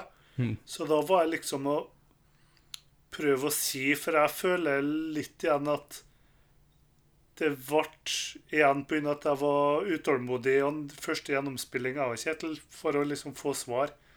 At ting begynte å føles litt monotont og repeterende mot slutten. At det ble å gjøre samme om og om igjen og ta dem og de fiendene og litt sånn, selv om du krydra med Rat King og litt på et par tilbakeblikk og samla på mynter og litt sånne ting. Så var det interessant å liksom å tenke over det. At der og da så føltes det kanskje litt langt, men når jeg ser bildet i sin helhet, så er det rett og slett bare for å forsikre seg om at alle føler med Abby, tror jeg. For Ja. folk jeg snakka med, får det til å høres ut som de begynte å få følelsene for Abby på ulike tidspunkt.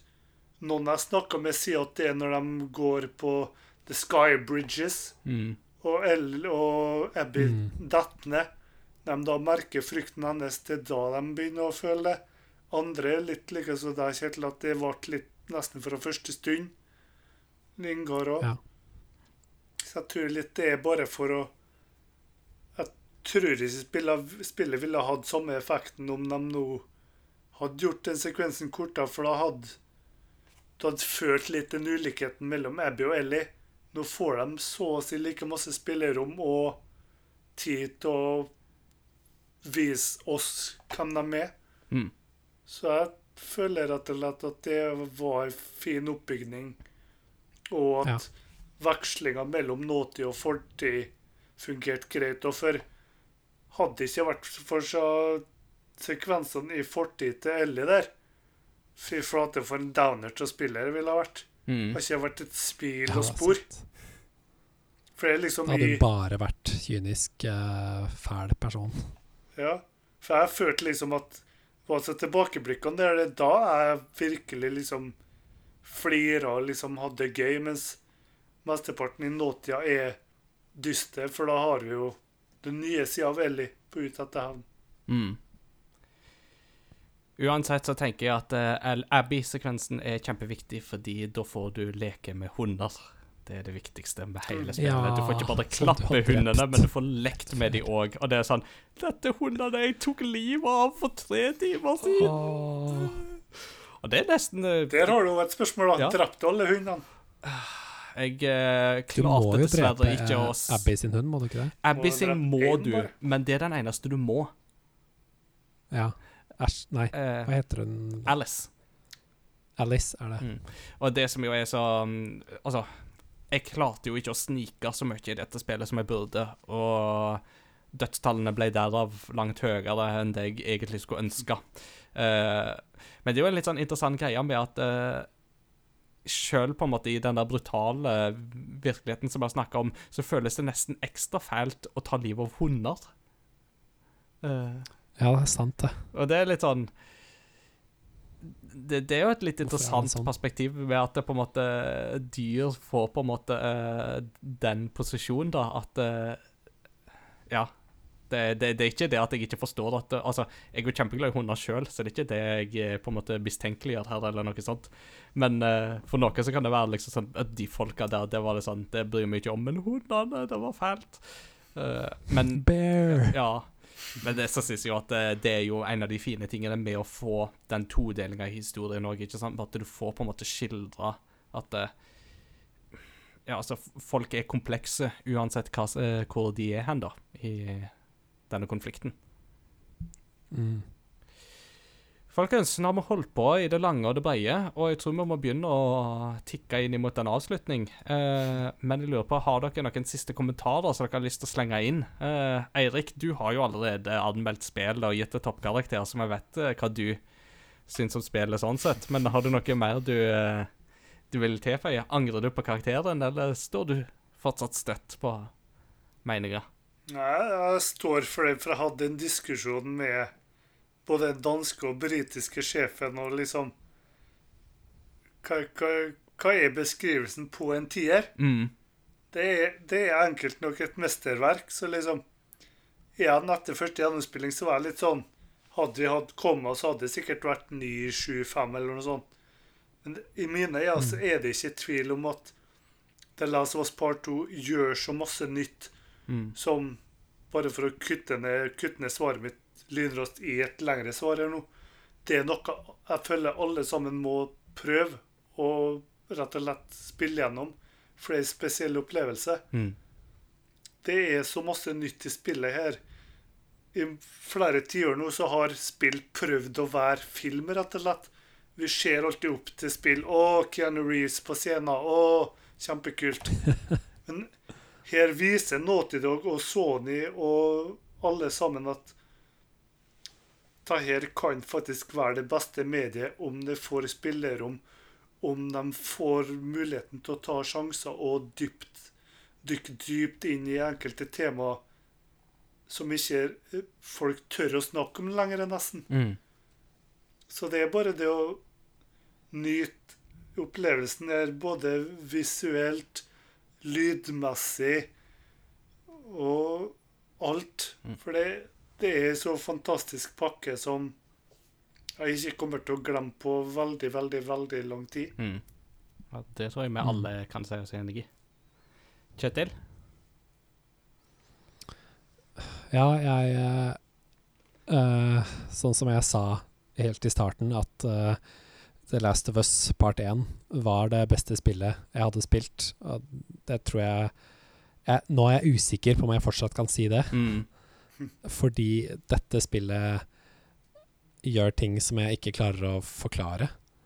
Det, på samme måte som eneren, så har, har karakterene bare blitt i meg. Uh, jeg syns du beskrev det så fint, Eirik, for du sa at uh, Ellie og Joel de, Du tror de er ekte personer. Mm. Du, de er der, på en måte. Jeg husker av i, i flere år etter jeg spilte Part 1, hadde jeg Ellie og Joel som bakgrunnsbilde, fordi jeg følte jeg kjente dem. Eh, de var på en måte de var, de var figurer i mitt liv som har vært med å forme meg. Og nå begynner jeg å kjenne på akkurat det samme like sterkt eh, for Part 2, at dette er Dette kommer til å være i meg lenge. Og jeg har tenkt på det hver eneste dag gjennom hele sommerferien etter at jeg spilte det. Og mm, ja. Det er som Rune Fjell Olsen skrev i sin NRK-anmeldelse, at dette er så bra som spill kan bli i 2020. Ja. Og det er um, Iallfall fram til Ja. Cyberpunk 2077 kommer ut. Ja. Blir det. Nei, dette er um, Dette er uh, ja, stort. Mm. Ja, eh, jeg kan ikke si noe annet enn det. Og som jeg har vært inne på, jeg har aldri vært borti noe som har sånt et emosjonelt nedslagsfelt i meg som dette spillet har hatt. Og bare det i seg sjøl er for Mm. meg et testamente på kvaliteten på, på spillet.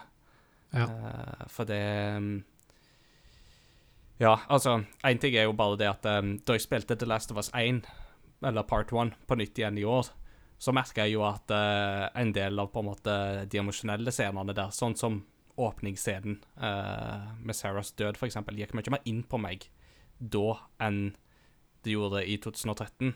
Og som jeg har uh, forklart det med at i det som har skjedd i mellomrommet der, det er at jeg har oppdaga at jeg har følelser fordi at jeg har blitt gift. Så jeg har havna mer in touch with my feelings, på en måte. Men, men sjøl Mm.